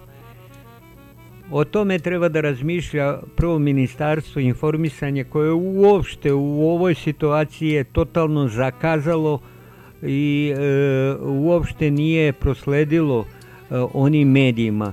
Kad smo se registrovali kao mediji, e, Haračlije su nas napali da plaćamo koje kakve dažbine i bili smo svrstavani u grupu kao Pink i drugi privatni mediji, a kad treba da radimo svoj novinarski posao, ono nam je sprečeno.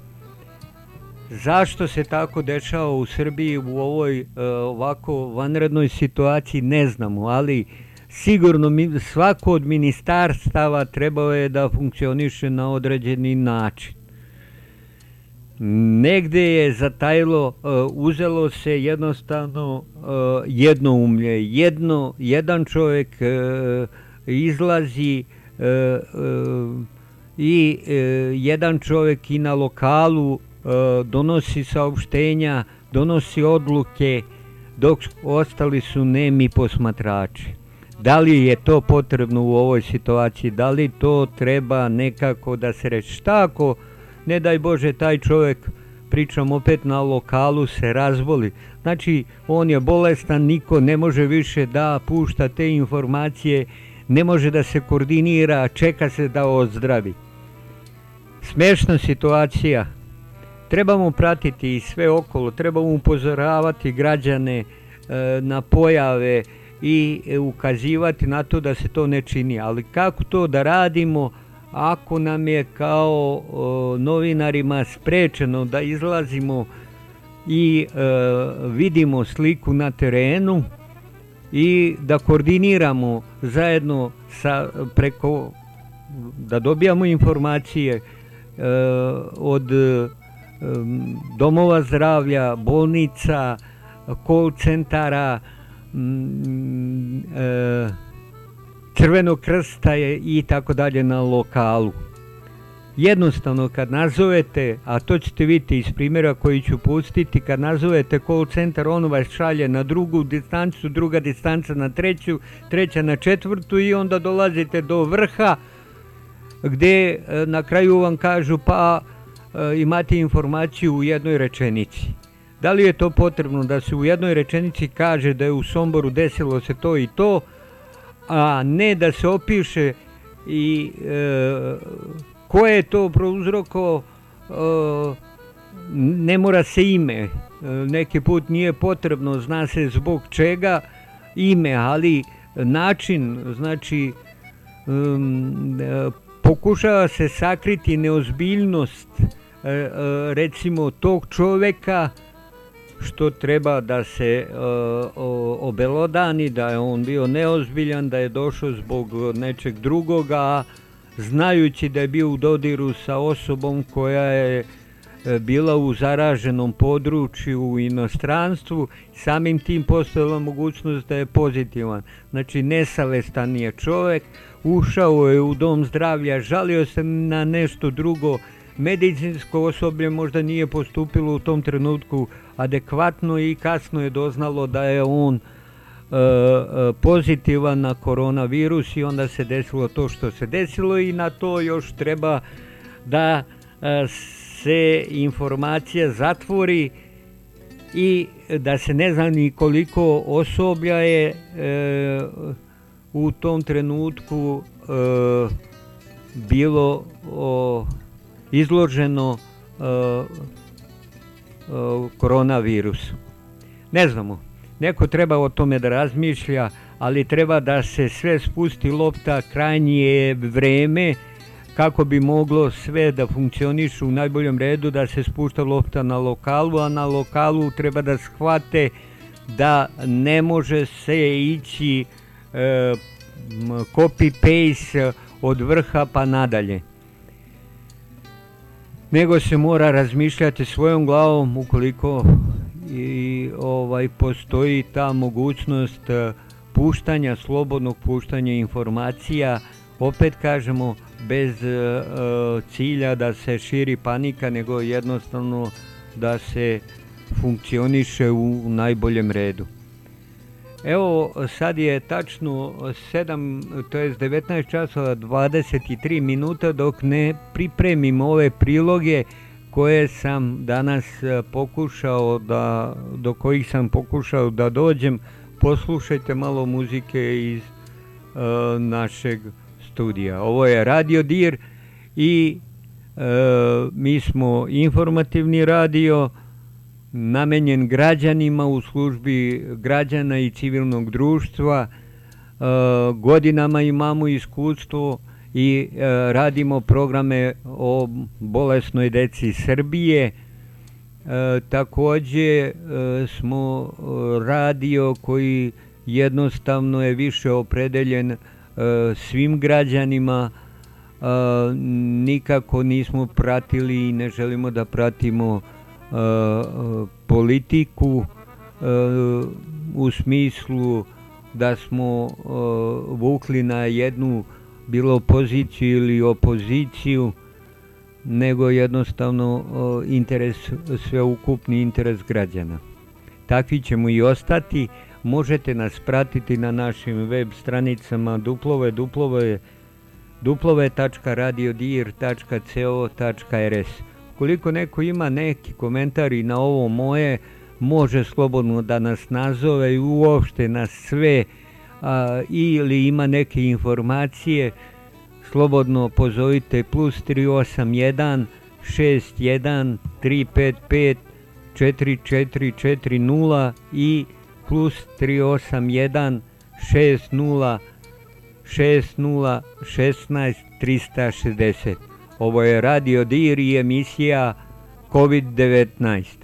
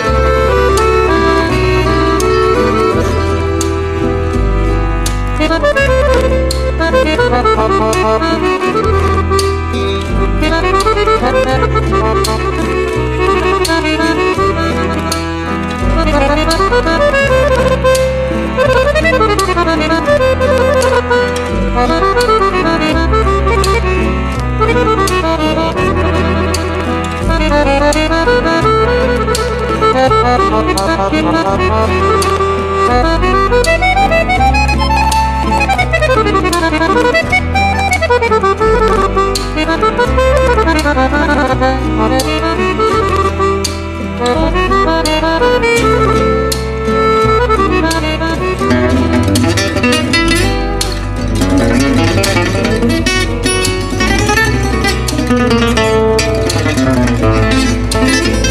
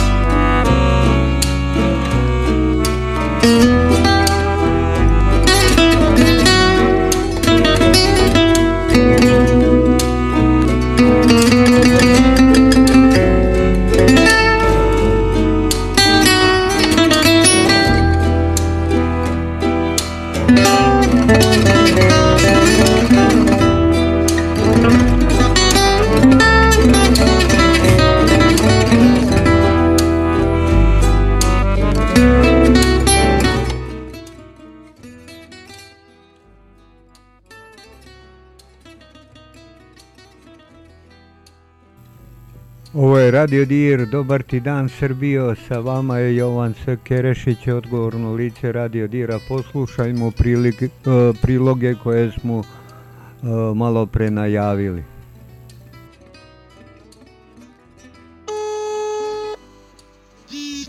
Molim. Dobar dan. Dobar dan. Radio Dir, Jovan Kerešić, odgovorno lice. E, Zavod za javno zdravlje Sombor. Jeste. Možete mi e, dati neke informacije o stanju u bolnici u Somboru? E, o, što se tiče toga, mislim, te vrste informacija call center e, ne daje. Mi smo ovaj call center za stanovništvo vezano za koronavirus. Sve ostalo, znači što se tiče situacije inače u zemlji svakodnevno se obaveštavate putem medija ovaj, e, dva puta dnevno su izveštaje. Pa i mi smo da- mediji, ja se izvinjavam. Halo? I mi smo mediji. Halo? Ne, call center, halo? Mi smo mediji, rekao, i mi smo novinari. Da, ali ne, call center ne, ne daje tu vrstu informacija. Ali nas možete usmeriti gdje bi mogli dobiti informacije?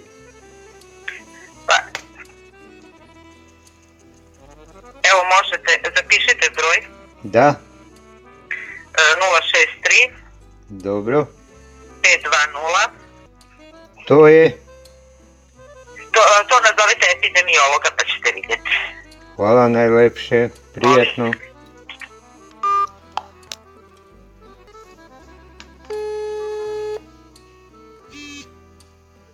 Da, izvolite. Dobar dan. E, ja se izvinjavam od call centra iz Sombora, sam dobio vaš broj, radio DIR je Jovan Kerešić, odgovorno lice. Kažite mi, da li mogu dobiti od vas informacije, u, nešto smo našli na društvenim mrežama o slučaju u bolnici, da li možemo od vas dobiti neke informacije? Pa najbolje da zovete direktora bolnice, on će vam sve reći. Tako da, Kažite broj. zaista i ne znam sve, tako da ovaj, najbolje s njim da pričate. Mhm. Koji broj ga možemo dobiti? A u ne znam, ne znam, Mhm. ne znam. Zovite bolnicu pa će vam dati broj. Mhm. Da li on tamo sad? Vi ništa ne znate ovaj, o tome da se desilo da je neko lice koje je bilo u, ovaj, e, zaraženo, zaraženo u Italiji i da je došlo navodno zbog e, e, toga što je popio mnogo lekova navodno ovaj, u bolnicu i, i kasnije se otkrilo da je on bio zaražen koronavirusom. To ne znate. Samo, koliko ja znam, taj nije putovao nigde. Tako da, Nije on, ali bio je u kontaktu sa nekom devojkom koja je došla iz Italije, je li tako? ne znam, zaista ne znam, morat ćete da nazovete direktora bolnice, stvarno ne znam Mhm. detalje nikakve. Tako da, ako vas to zanima, nazovite njega. Ništa, hvala najlepše, Prijetno. prijatno.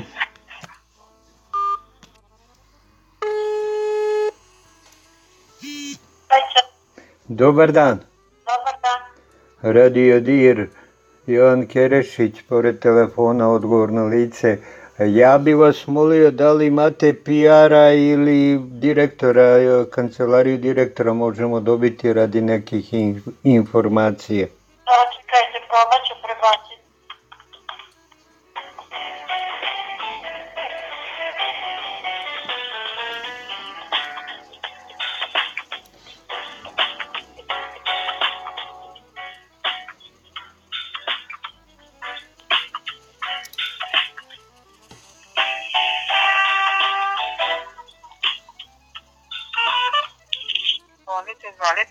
Dobar dan želim. Radio DIR Jovan Kerešić je odgovorno lice. E, tražio sam ili direktora ili nekoga iz e, PR službe bolnice. Dobro, vezano za šta? A, vezano za informacije koje smo putem društvenih mreža a, uvidjeli, a radi se o, o stanju da je obolelo nekoliko radnika u bolnici, pa nas interesuje m, e, koliko radnika i o toj osobi koja je došla u bolnicu, priča se da je on radi druge stvari, e, da je popio mnogo lekova i zbog toga došao. Kažete mi, jeste privatno lice ili fizičko lice? Jeste firma vi neka? Mi smo mediji, Radio Dir, mi smo o, pravno lice. Da, da. Registrovano e, mediji u APR-u i u REM-u. Ništa, ništa. Za sad vam ništa ne mogu davati konkretne informacije, zato što direktor nije tu. Jedino od ponedjeljka da se čujemo, tamo od nedelje. Znači, sada direktor trenutno nije tu, tako da vam ne mogu ništa reći konkretno. Mhm. Niti nas usmeriti na nekoga ko može, jel te?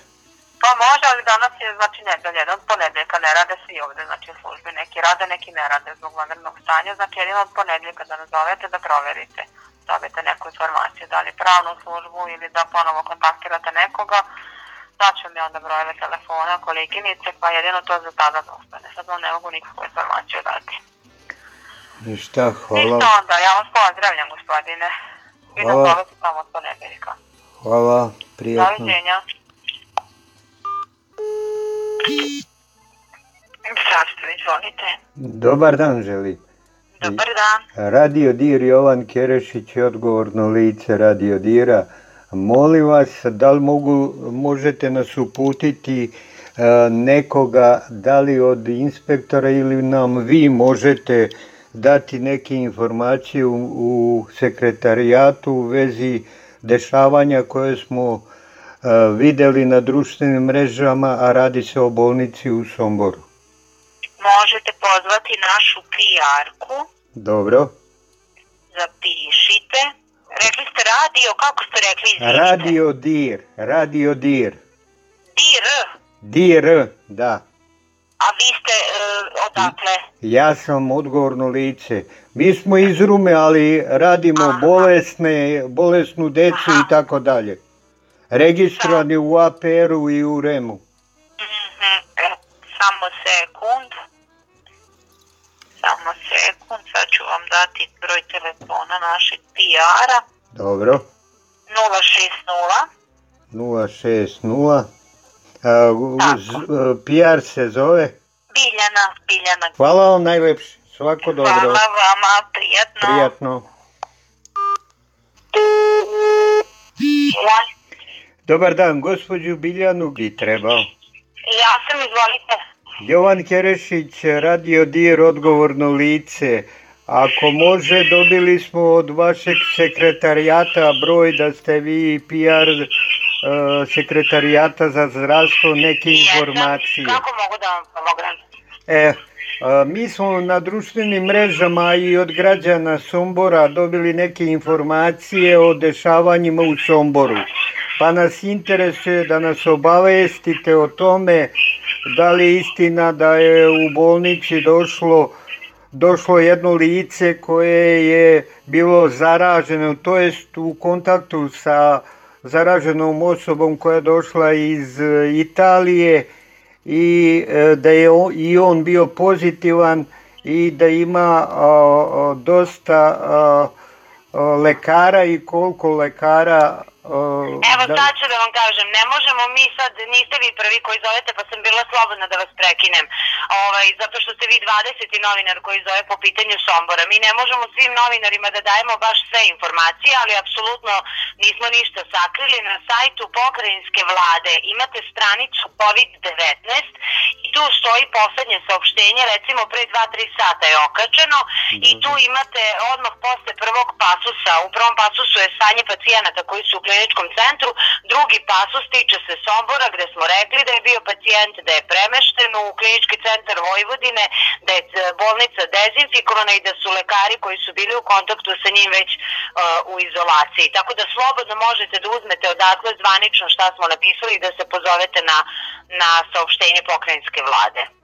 E, ništa, Znači, hva- pokrajinska vlada, čim odete na sajt, vidjet ćete ako niste bili ovih dana, ima ovaj e, u- uokvireno kao u kocku piše COVID-19. Kad kliknete na to, tu je prvo, prvo što ćete vidjeti to zapravo poslednje saopštenje i slobodno preuzmite sve.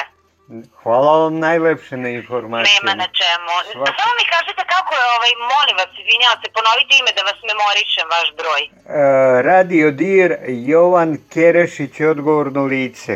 E, dobro, dobro da imam. Hvala vam Inače, najlepše. inače radimo najviše program a, apel za pomoć bolesnoj deci Srbije. To nam je program, međutim zbog ove situacije imamo emisiju o građani i COVID-19. Jasno, jasno, razumem, pa kao i svi. Da, Slobodno moramo. se informišite na COVID-19, mi svako jutro kačemo, a naravno i u toku dana sve što je novo, okačemo, sad smo pokrenuli pre dva, tri dana tu Ja stranicu. sam pratio, tako izvinjavam da će biti se. i tu informacije, ali imate i moj broj. Je, e, pratio sam gospođe ovaj, Biljana, je, pratio sam COVID na, na republičkom, ovaj, e, ovu stranicu tu nisam našao, samo potvrđeno novih e, 17 slučaja, i, to jest e, 22 slučaja i 180, e, tu stranicu sam Da, da, pratio. da, znam, znam, znam, ali imate, kažem vam, i na sajtu pokrajinske vlade na COVID-19 vidjet ćete tu dodatno ovaj, pojašnjenje za pacijente u Vojvodini. Super, baš nas interesuje Vojvodina, Srem i tako malo ovaj uže. Hvala vam još jednom. Svako Nema dobro. na čemu, Prijatno. čujemo se, prijatno. U klinički centar Vojvodine primljena dva nova pacijenta Novi Sad 22. mart 2020. Na klinici za infektivne bolesti Kliničkog centra Vojvodine KCV leči se devet pacijenata kod kojih je potvrđeno da su oboleli od koronavirusa COVID-19. Kod dva pacijenta lečenje zahteva primenu mehaničke ventilacije i oni se nalaze u veoma teškom opštem stanju, dok je opšte stanje preostalih obolelih pacijenata zadovoljavajuće. Kod svih pacijenata se sprovode 24-časovni monitoring i intenzivno lečenje. Od dva nova pacijenta koja su primljena u KCV, jedna pacijentkinja je starije životne dobi, a drugi pacijent je mlađe životne dobi i on je u KCV premešten iz opšte bolnice u Somboru. Na odeljenju Somborske bolnice, na kojem je oboleli muškarac hospitalizovan, sprovedene su sve protokolom predviđene epidemiološke mere, a zdravstveni radnici koji su bili u kontaktu sa obolelim stavljeni su u izolaciju. Somborska bolnica nastavlja sa radom u istom režimu rada kao i do sada, a građanima zapadno-bačkog okruga biće pružena sva neophodna medicinska zaštita i potpora. Još jednom podsjećamo na sve mere prevencije i apelujemo da ih se svi građani najstrožije pridržavaju, da održavaju ličnu higijenu i češće peru ruke sapunom i toplom vodom, da ne borave u zatvorenim prostorijama ukoliko u njima ima više od pet ljudi i da izbegavajte izlazak iz svojih domova ukoliko nemaju opravdan razlog za to. Građani koji imaju povišenu temperaturu, kašalj ili otežano disanje treba da se telefonom jave odgovarajućoj zdravstvenoj ustanovi na svojoj teritoriji i da odmah sprovedu mere samoizolacije kao i da striktno poštuju mere ograničenja kretanja ukoliko im te mere propišu nadležne epidemiološke službe. Sve zdravstvene ustanove u Vojvodini su na svojim sajtovima objavile brojeve telefona putem kojih građani mogu da komuniciraju sa svojim lekarima, a brojevi svih zdravstvenih ustanova dostupni su i na stranici COVID-19 na oficijelnom sajtu pokrajinske vlade.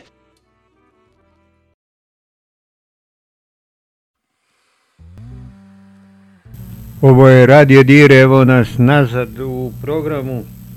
Čućemo sad jednu informaciju koju smo dobili, pa evo poslušajmo o, ovu informaciju. Ćao svima, znam da sve interesuje, ste došli mi da vas interesuje šta se dešava u Somboru, a mene mrzi da pućkom poruku, pa mi je ovako jednostavnije. Znači, što se tiče tog pacijenta koji je bio na internom, on je uspeo da uđe u bolnicu e, zato što rodbina nije dala prave podatke, odnosno negirali su da je bio u kontaktu sa nekim koji je bio u inostranstvu. E, taj čovjek je pokušao da se ubije, trovao se, tako da on u momentu kad je ulazio u bolnicu nije mogao sam da da podatke, nije imao povišenu temperaturu. E, Prvi test je stvarno bio negativan. Moje kolege, lekari koji se time bave, imam jednu kolegu koja je pneumoftiziolog u Italiji, kaže da su i oni imali oko 40% negativnih testova i da je on lično imao jednog pacijenta koji, čiji je test dva puta bio negativan, a tek treći test je bio pozitivan kad je razbio ozbiljniju kliničku sliku. Znači, Ovo prosto nije, nije napravljena nikakva greška, nego jednostavno se desilo tako kako se desilo, kad je otkriveno da je pozitivan lekari koji su bili i sestre koji su bile u direktnom kontaktu sa njim, su sada u izolaciji, odeljenje dezinfikovano i nastavit će da radi. Smatra se da je rizični kontakt samo direktni kontakt s pacijentom, a da indirektni kontakt, znači sestra koja je bila sa njim u kontaktu, pa u kontaktu sa nekim drugim pacijentom, da to nije rizičan kontakt. Tako se, takvi su za sada stavovi. Tako da sestre koje su bile u kontaktu sa sestrama koje su bile u direktnom kontaktu nisu za sada u samoizolaciji.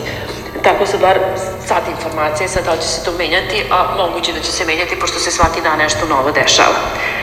Uh, Znači, više se ne može, više se ne, ne posmatra ko ima temperaturu i ko je došao iz inostranstva, nego se svi posmatraju kao potencijalni nosioci virusa korone, zato što vi imate slučajeve koji su asimptomatski, imate pacijente uh, koji još uvek nemaju povišenu temperaturu ili imaju blagu kliničku sliku, prema tome sad više nema nikakvog pravila, znači vi ne znate da li je neko pored vas u prodavnici zaražen, mi nosimo maske, Dušana Vujna je sašila maske cijeloj porodici, ja sam našla neke tetrapelene dece koje su bile na tavanu, tako da smo svi sebi sašili maske i prosto ćemo nositi kad idemo u kupovinu i tako i rukavice, naravno ako želite, ili prosto se moraju prati ruke stano.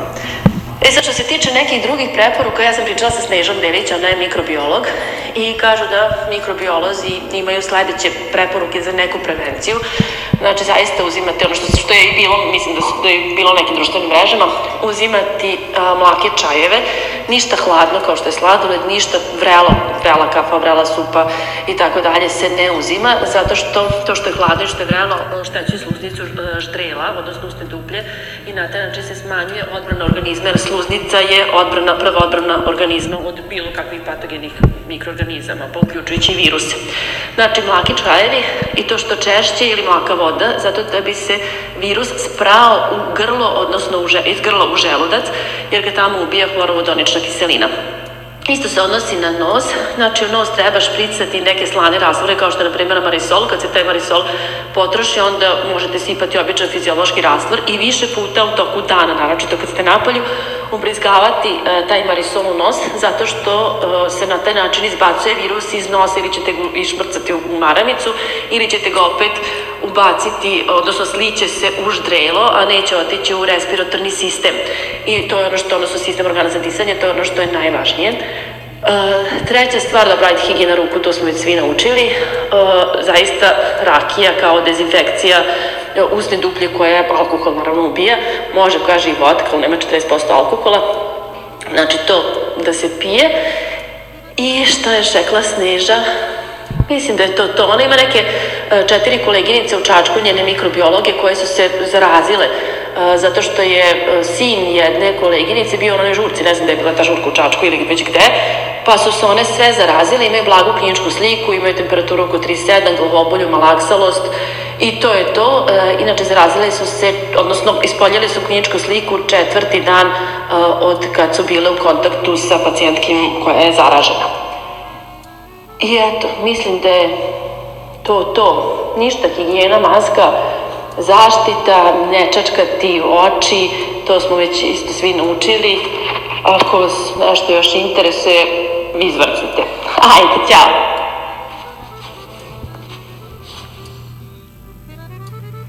Ovo je što još rekla, znači bez nerviranja, bez stresa, bez panike, ali sad ozbiljno vam kažem, zato što stres podiže nivo interleukina 6, a interleukin 6 je jedan um, imunološki faktor uh, koji uh, učestvuje u stvaranju upale pluća uh, koji pokreće koronavirus. Znači, ta upala pluća koja nastaje, ne nastaje samo zbog delovanja virusa, nego zato što virus pokrene imunološki sistem organizma i to je jedna takozvana atipična pneumonija, odnosno imunski posredovana pneumonija u kojoj veliku ulogu igra taj interleukin 6 i sad ovi lekovi novi koji se ispituju, se ispituju a, a, a, stvari oni lekovi koji blokiraju interleukin interleukin 6 i njegove receptore. Znači, ako ste nervozni, ako paničite, onda ćete da podignete interleukin 6, pa ste samim tim podložniji ovoj infekciji.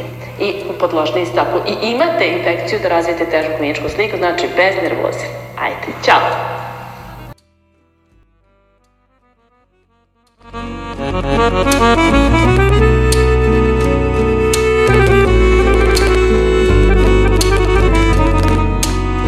Thank you.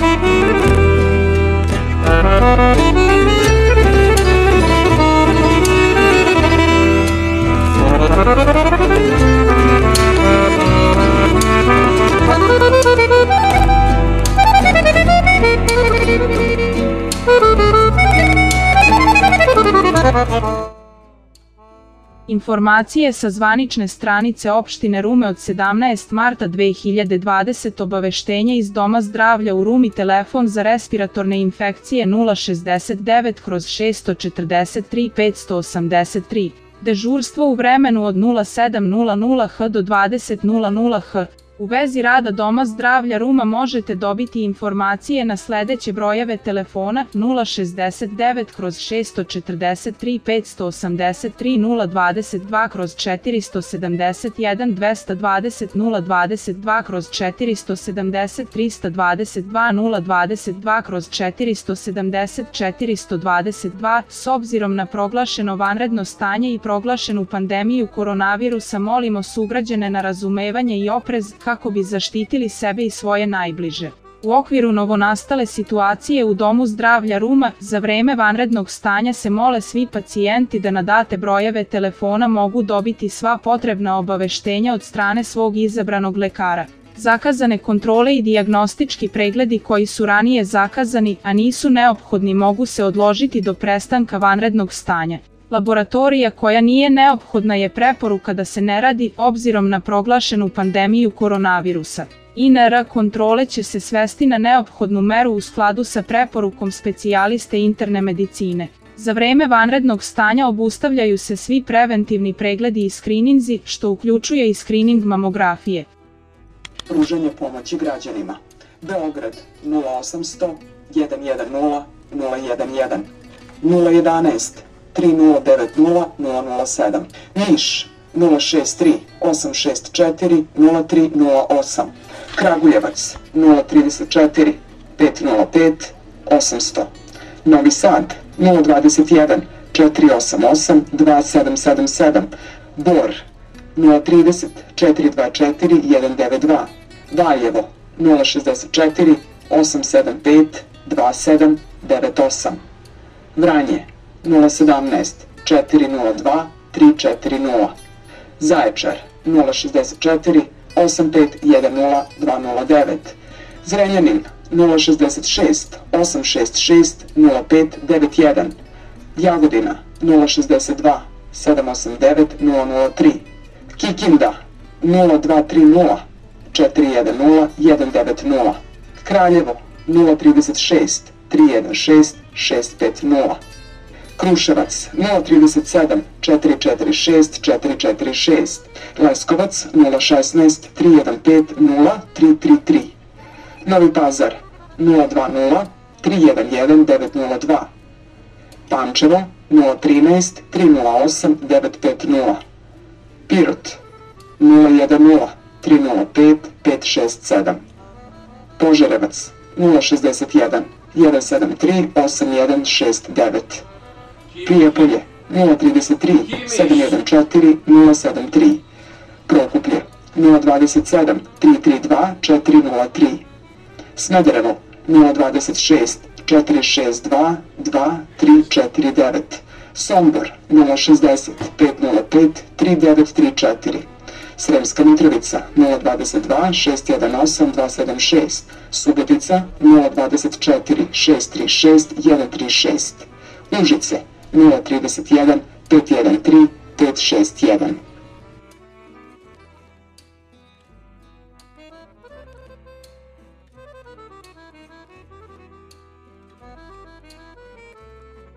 Dobar ti dan Srbijo, ovo je Radio Dir, specijalna emisija povodom epidemije koronavirusa. Evo nas nazad u programu. Još jednom da ponovimo današnje informacije da je do danas, a danas je subot, nedelja, izvinjavam se, nedelja 22. marta 2020. Tačno je sada 7 časova 46 minuta. Slušate Radio Dir, informativni program. Moje ime je Jovan Kerešić, odgovorno lice Radio Dira. E, mi ćemo danas završiti sa emisijom. Za kraj e, dajemo jedan prilog koji smo našli na društvenim mrežama. Priznati srpski virusolog je izjavio da vakcine što pre jer može da pređe u sezonski virus ovaj. Pa poslušajmo ovaj prilog i to nek bude za kraj.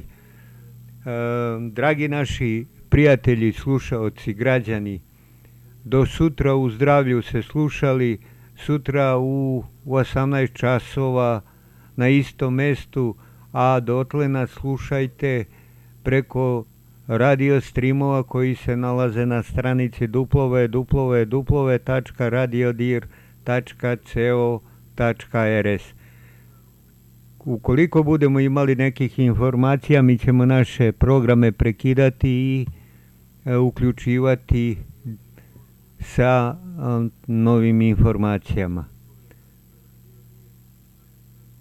U zdravlju se slušali do sutra, ovo je Radio Dir.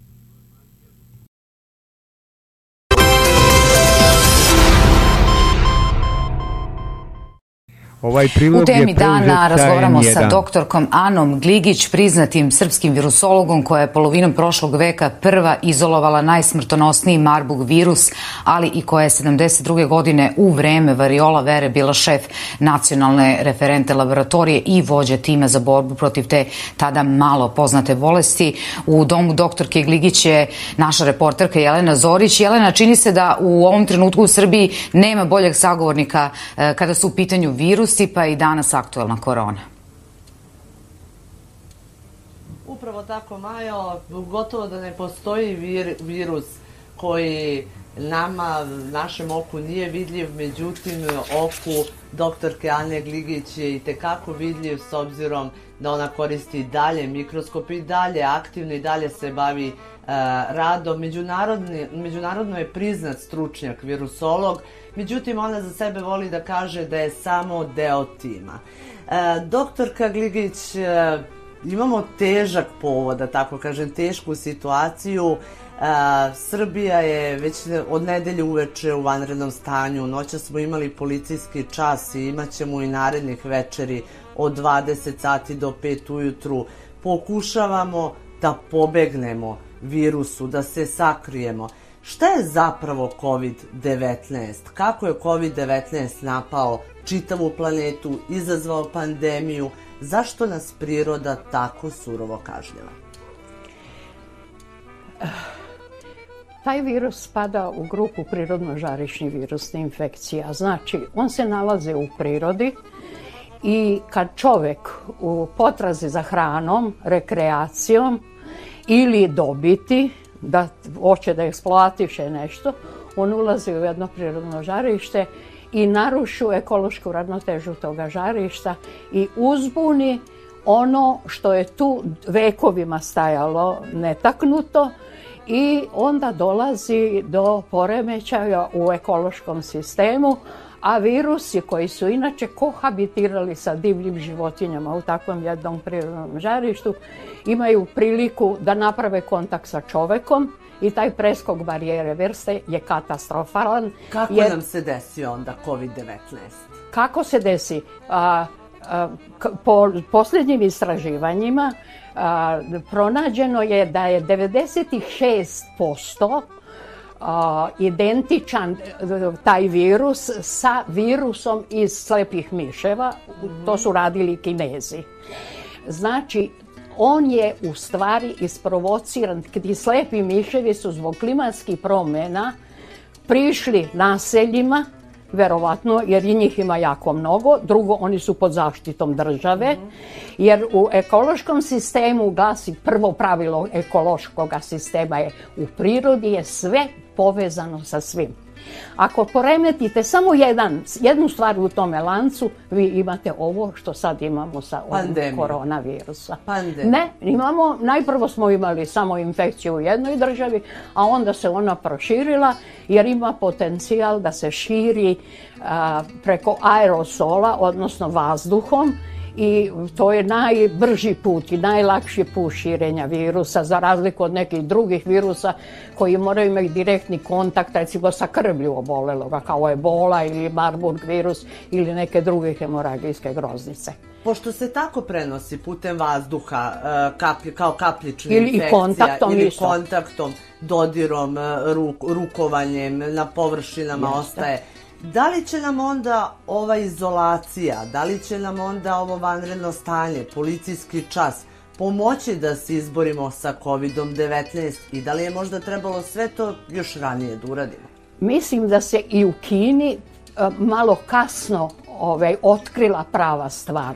Tako to i prolazi kod prirodno žarišnih infekcija, jer one ne- u startu ne pobuđuju. Gotovo sve zarazne bolesti počinju kao neki infektivni, infektivna respiratorna bolest. I od najtežih bolesti, od ebole, sve počinje kao respiratorno, a posle se manifestuje jer virus napada određene organe prema kojima ima tropizam. Pa onda dolazi do posljedica koje su katastrofalne i do letaliteta. Ovo ne zabrinja, ovaj virus ne zabrinjava zbog letaliteta, on zabrinjava zbog velikog broja obolelih i zbrinjavanja tih bolesnika. Teško je u jednom danu zbrinuti 500 bolesnika, a pogotovo ako dođe do teške kliničke slike gdje treba i respiratorna potpora bolesniku. A što se tiče lekova i lečenja, kod virusnih bolesti leka nema, samo simptomatska terapija. 97 je trenutno obolelih u Srbiji kod kojih je potvrđen COVID-19. 19. Možda ih ima i više, testovi se rade kako se rade. Ostaje i dalje otvoreno pitanje imamo li dovoljno ili ne reagenasa na, za testiranje. Međutim, e, rekla je premijerka sinoć da je od preključe taj broj počeo ubrzano da raste i da se polako približavamo sve opasnijoj situaciji. Šta to tačno znači? To bi po meni, po, gledajući šta se dešavalo u Kini, u Italiji i, i u Španiji gdje je najkritičnije, to po meni znači da, se, da je u inkubacioni period koji se tačno ne zna koliki je kod korone, neki kažu 14 dana, to je uobičajeno. Kod većine virusnih bolesti da je od 8 do 14 dana, iako ima bolesti virusni koje imaju dva dana inkubacioni period, to su teške hemoragijske groznice, ali u prosjeku to je 14 dana. Međutim, ja sam danas pročitala iz marta izveštaj da je kod ovoga u većini 25 dana. Aha. To bi značilo da za tih 25 dana on pola od tih e, dana je u inkubacionom periodu i nije prepoznata bolest. A za to vreme on može da seje virus oko sebe. I to je tragedija. Dakle, 25 dana moguće Inkubacija. da je inkubacija čak. Da, to su sad po posljednjem izveštaju. I ovaj, ta inkubacija a, ovaj, sakriva u početku, jer bolest počinje tako, kao neka mala kijavica, pa svi kažemo popit ćemo čaj, a u stvari sejemo virus. Zato je ovaj, potrebno da sve znamo. Ja mislim da su naši epidemiolozi i, i vlada preduzela sve što je mogla, poučena iskustvom u ove tri zemlje gdje imamo mnogo, mnogo goru situaciju nego kod nas. Ipak nekako ovladali smo izgleda sa tim. Da, iako se očekuje da taj broj bude i dalje veći. Da, Naravno, zato što je napravljeno. Već je to, kontakti su već napravljeni pre nego što su uvedene mere. Ali imam Ako je utisak 25 dana. Imam utisak da se tek nekoliko desetina ljudi dnevno testira. Ne znamo ima li dovoljno reagenasa. Nije dovoljno da se pozove e, da se pozovu nadležni i da kažu imam temperaturu, imam kijavicu. To nije dovoljno. Ili da kažu bio sam u Nemačkoj, bio sam negdje u inostranstvu. To nije dovoljno. Potrebni su još neki parametri da bi lekari odlučili. Da li bi bilo možda od pomoći kad bi još više testirali? A, naravno, naravno.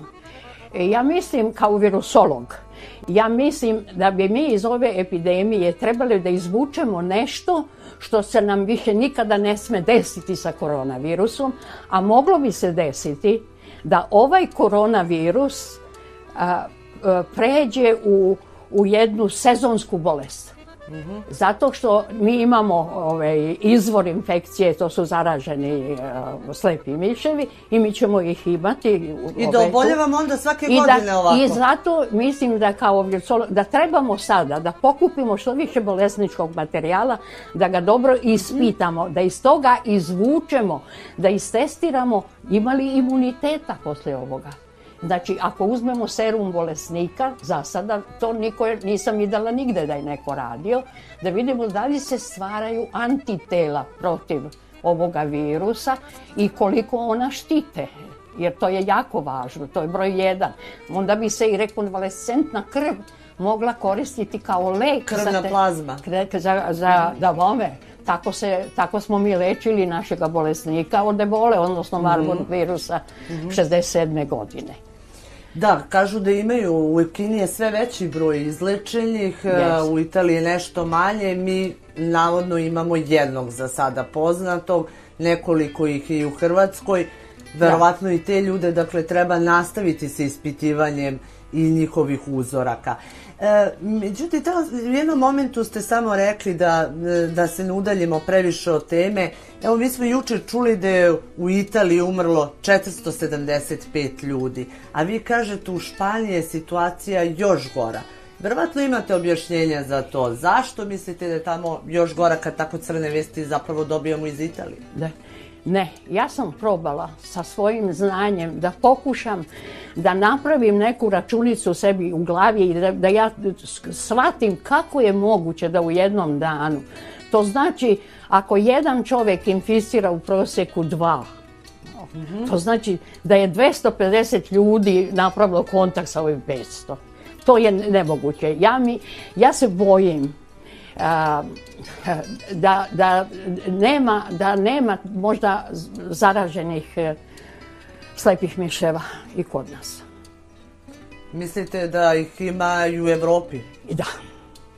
A da oni onda, da su se oni nekako dogodili pa... Ne da- mogu da kažem, ne mogu da tvrdim to, ali pokušavam da shvatim šta se to dešava, jer objašnjenja za to nemam da u jednom danu može toliko. Da li je možda objašnjenje Ako je disciplina? inkubacija 25 Mhm. dana, znači da su oni bili u kontaktu pre 25 dana sa ovim obolelima. Ja sve moguće metode koje poznajem u proračunima nisu mi dale odgovor na to pitanje. Da li može biti odgovor, recimo, u disciplini? E, Kinezi su poznati kao izuzetno disciplinovani i oni su vrlo brzo počeli sa karantinima, sa, u, da tako kažemo, vanrednom situacijom i ponašanjem u vanrednoj situaciji. Međutim, italijani su se pokazali vrlo nedisciplinovani. Naime, tamo kada su rekli da od sutra neće raditi kafići i restorani, oni su te večeri svi zašli u kafiće i restorane i verovatno doprineli širenju virusa, a vidimo da i ovde ljudi baš ne poštuju disciplinu. Kada kažu, kaže državni vrh penzionerima da ne izlaze, oni izlaze iz kuće. Kada kažu da se ne vraćaju ljudi sa sezonskog rada u inostranstvu, oni baš tad krenu da se vraćaju. Da li je možda tu rešenje te, te tako pandemične situacije da se to širi? Aha, pa sigurno da postoji. Sigurno postoji, zato se i uvodi ovo sve i prati se i kažnjava se i sve da se izbegne dalje širenje, ali... Ali vas buni još nešto, vidim ja. Da, da. Kod meni, meni nije jasno šta se dešava sa imunitetom kod prebolelih, recimo. Zašto se virus, odnosno virusne partikule ovim novim metodama, molekularno-genetskim, a, komponente virusa mogu naći i kad bolesnik bude otpušten pa se testira. Znači, njega su otpustili kao zdravoga.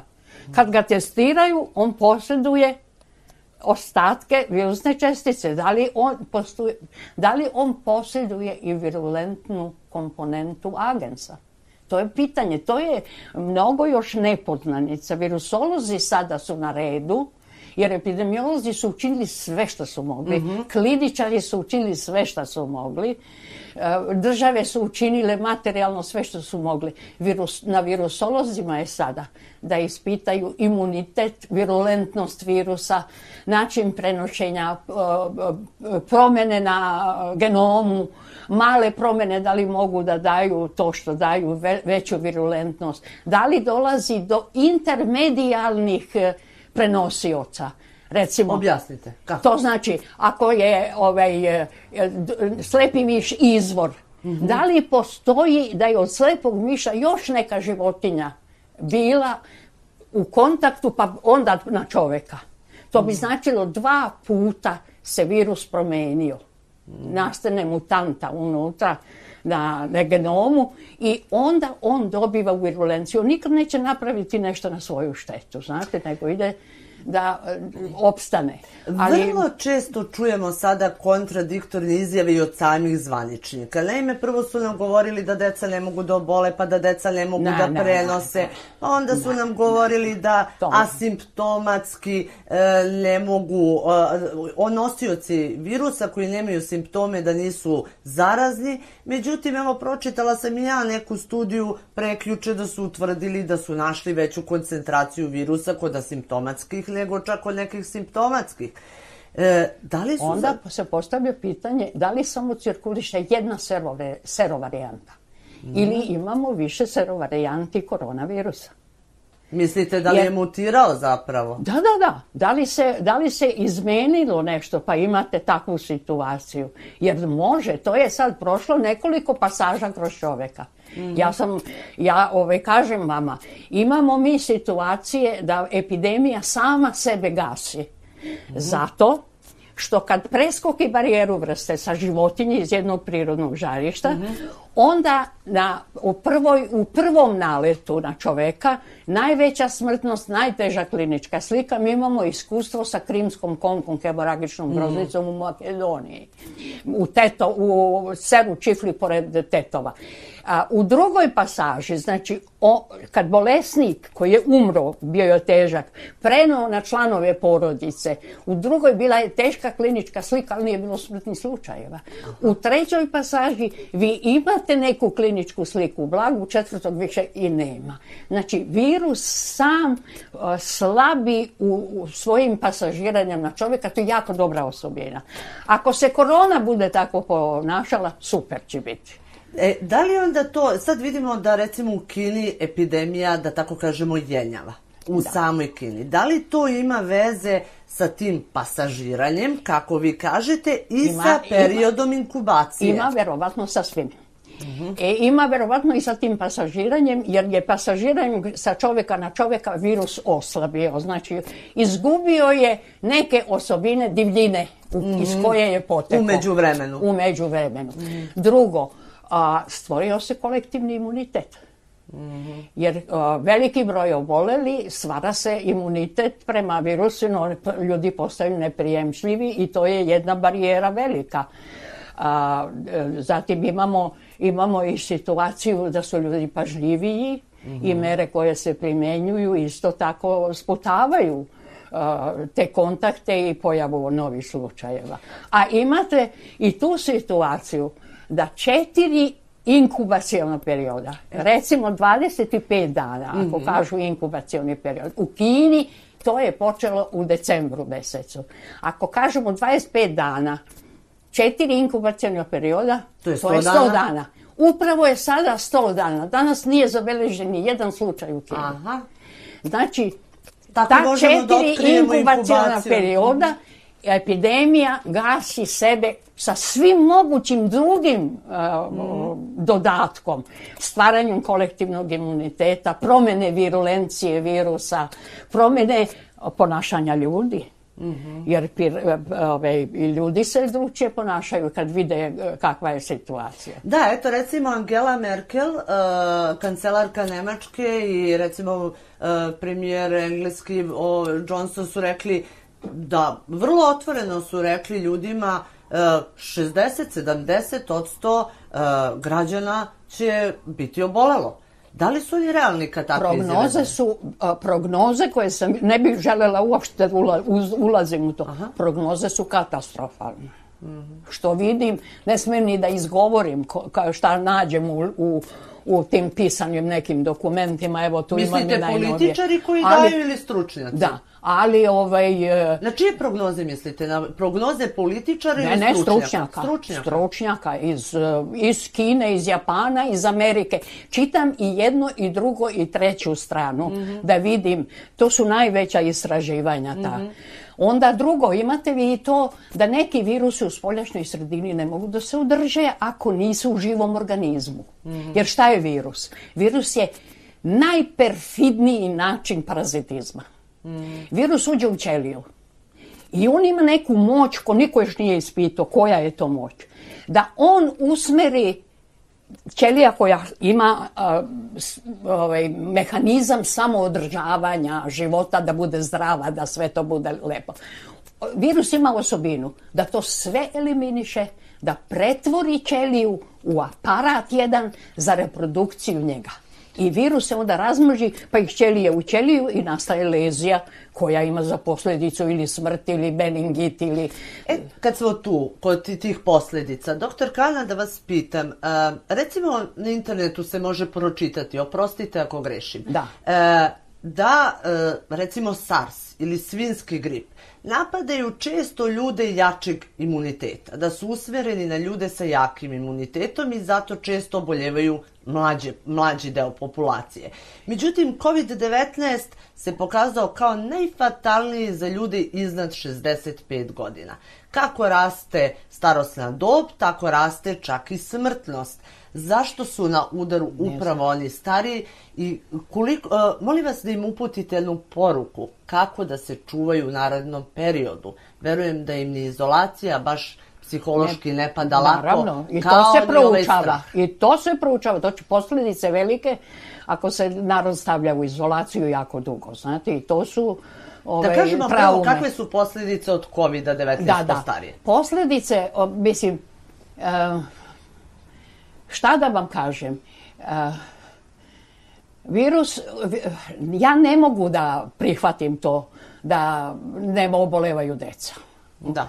Ono se pokazalo da, ja sam imala situaciju da sam na a, sastanku Svetske zdravstvene organizacije iznela podatak da imamo jako puno obolele dece od takozvane mišje groznice, hemoragijske krvnice s bubrežnjem.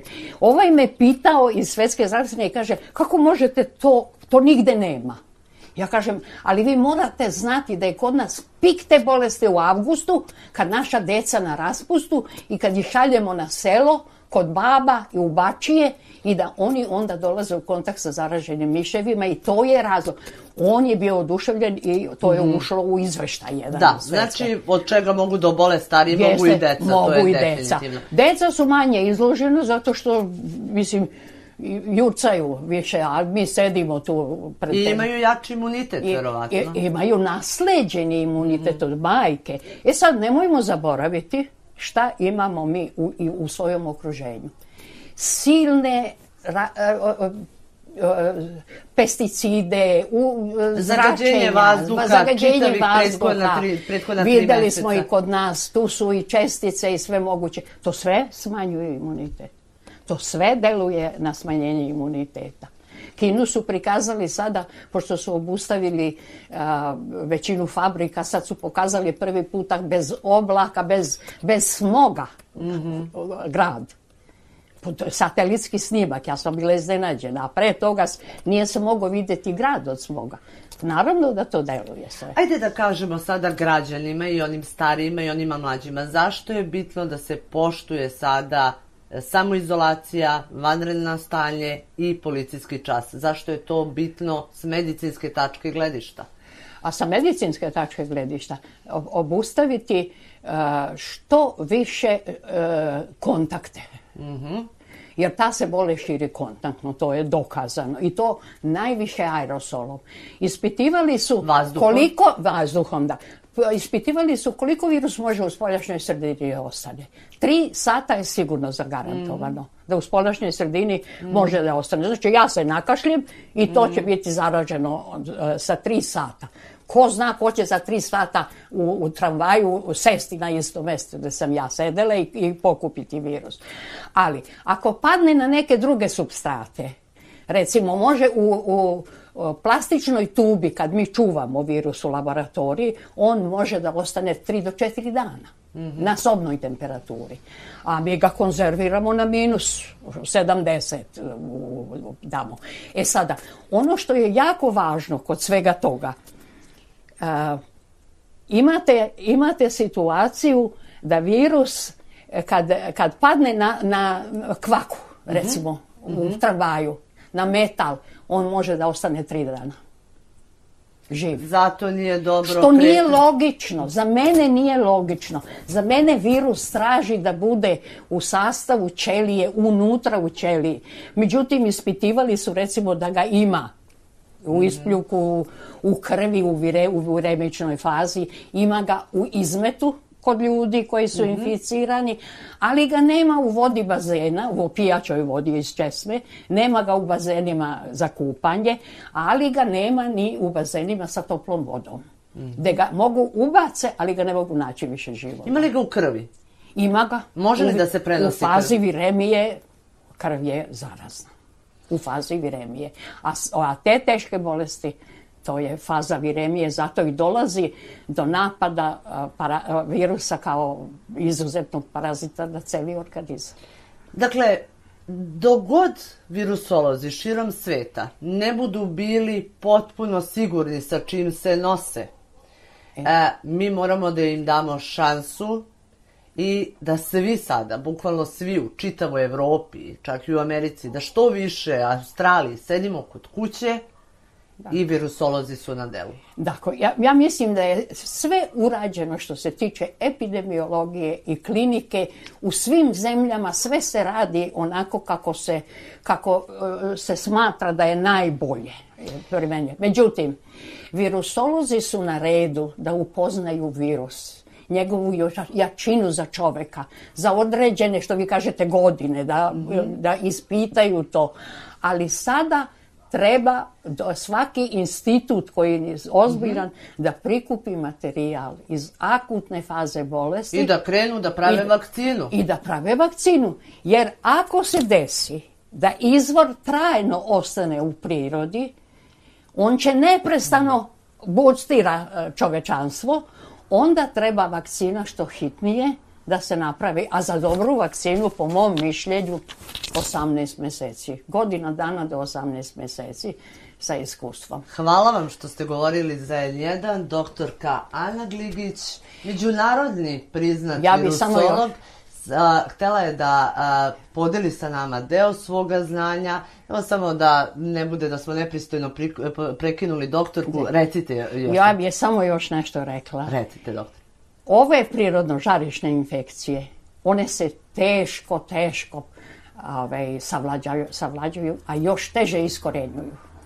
Teško ćemo, zato kažem, na virusolozima je što hitnije da izaberu soj, najpogodnije, je da li iz Kine, da li iz Amerike, da li iz Italije i da odabirom tog soja koji ima najviše karakteristika za ovu bolest, da se krene na pripremu vakcine, jer ovo može zaista da se pretvori u sezonsku bolest. Možda Kao gripa. Ostaje nam samo nada da će virusolozi širom sveta biti uspešni kao i svojevremeno doktor Kana Gligić, kada je bila na vrhuncu svoje karijere. To nam je jedina nada zapravo da će se planeta izboriti sa COVID-19. Hvala ti i tebi i tvojoj sagovornici na ovom razgovoru.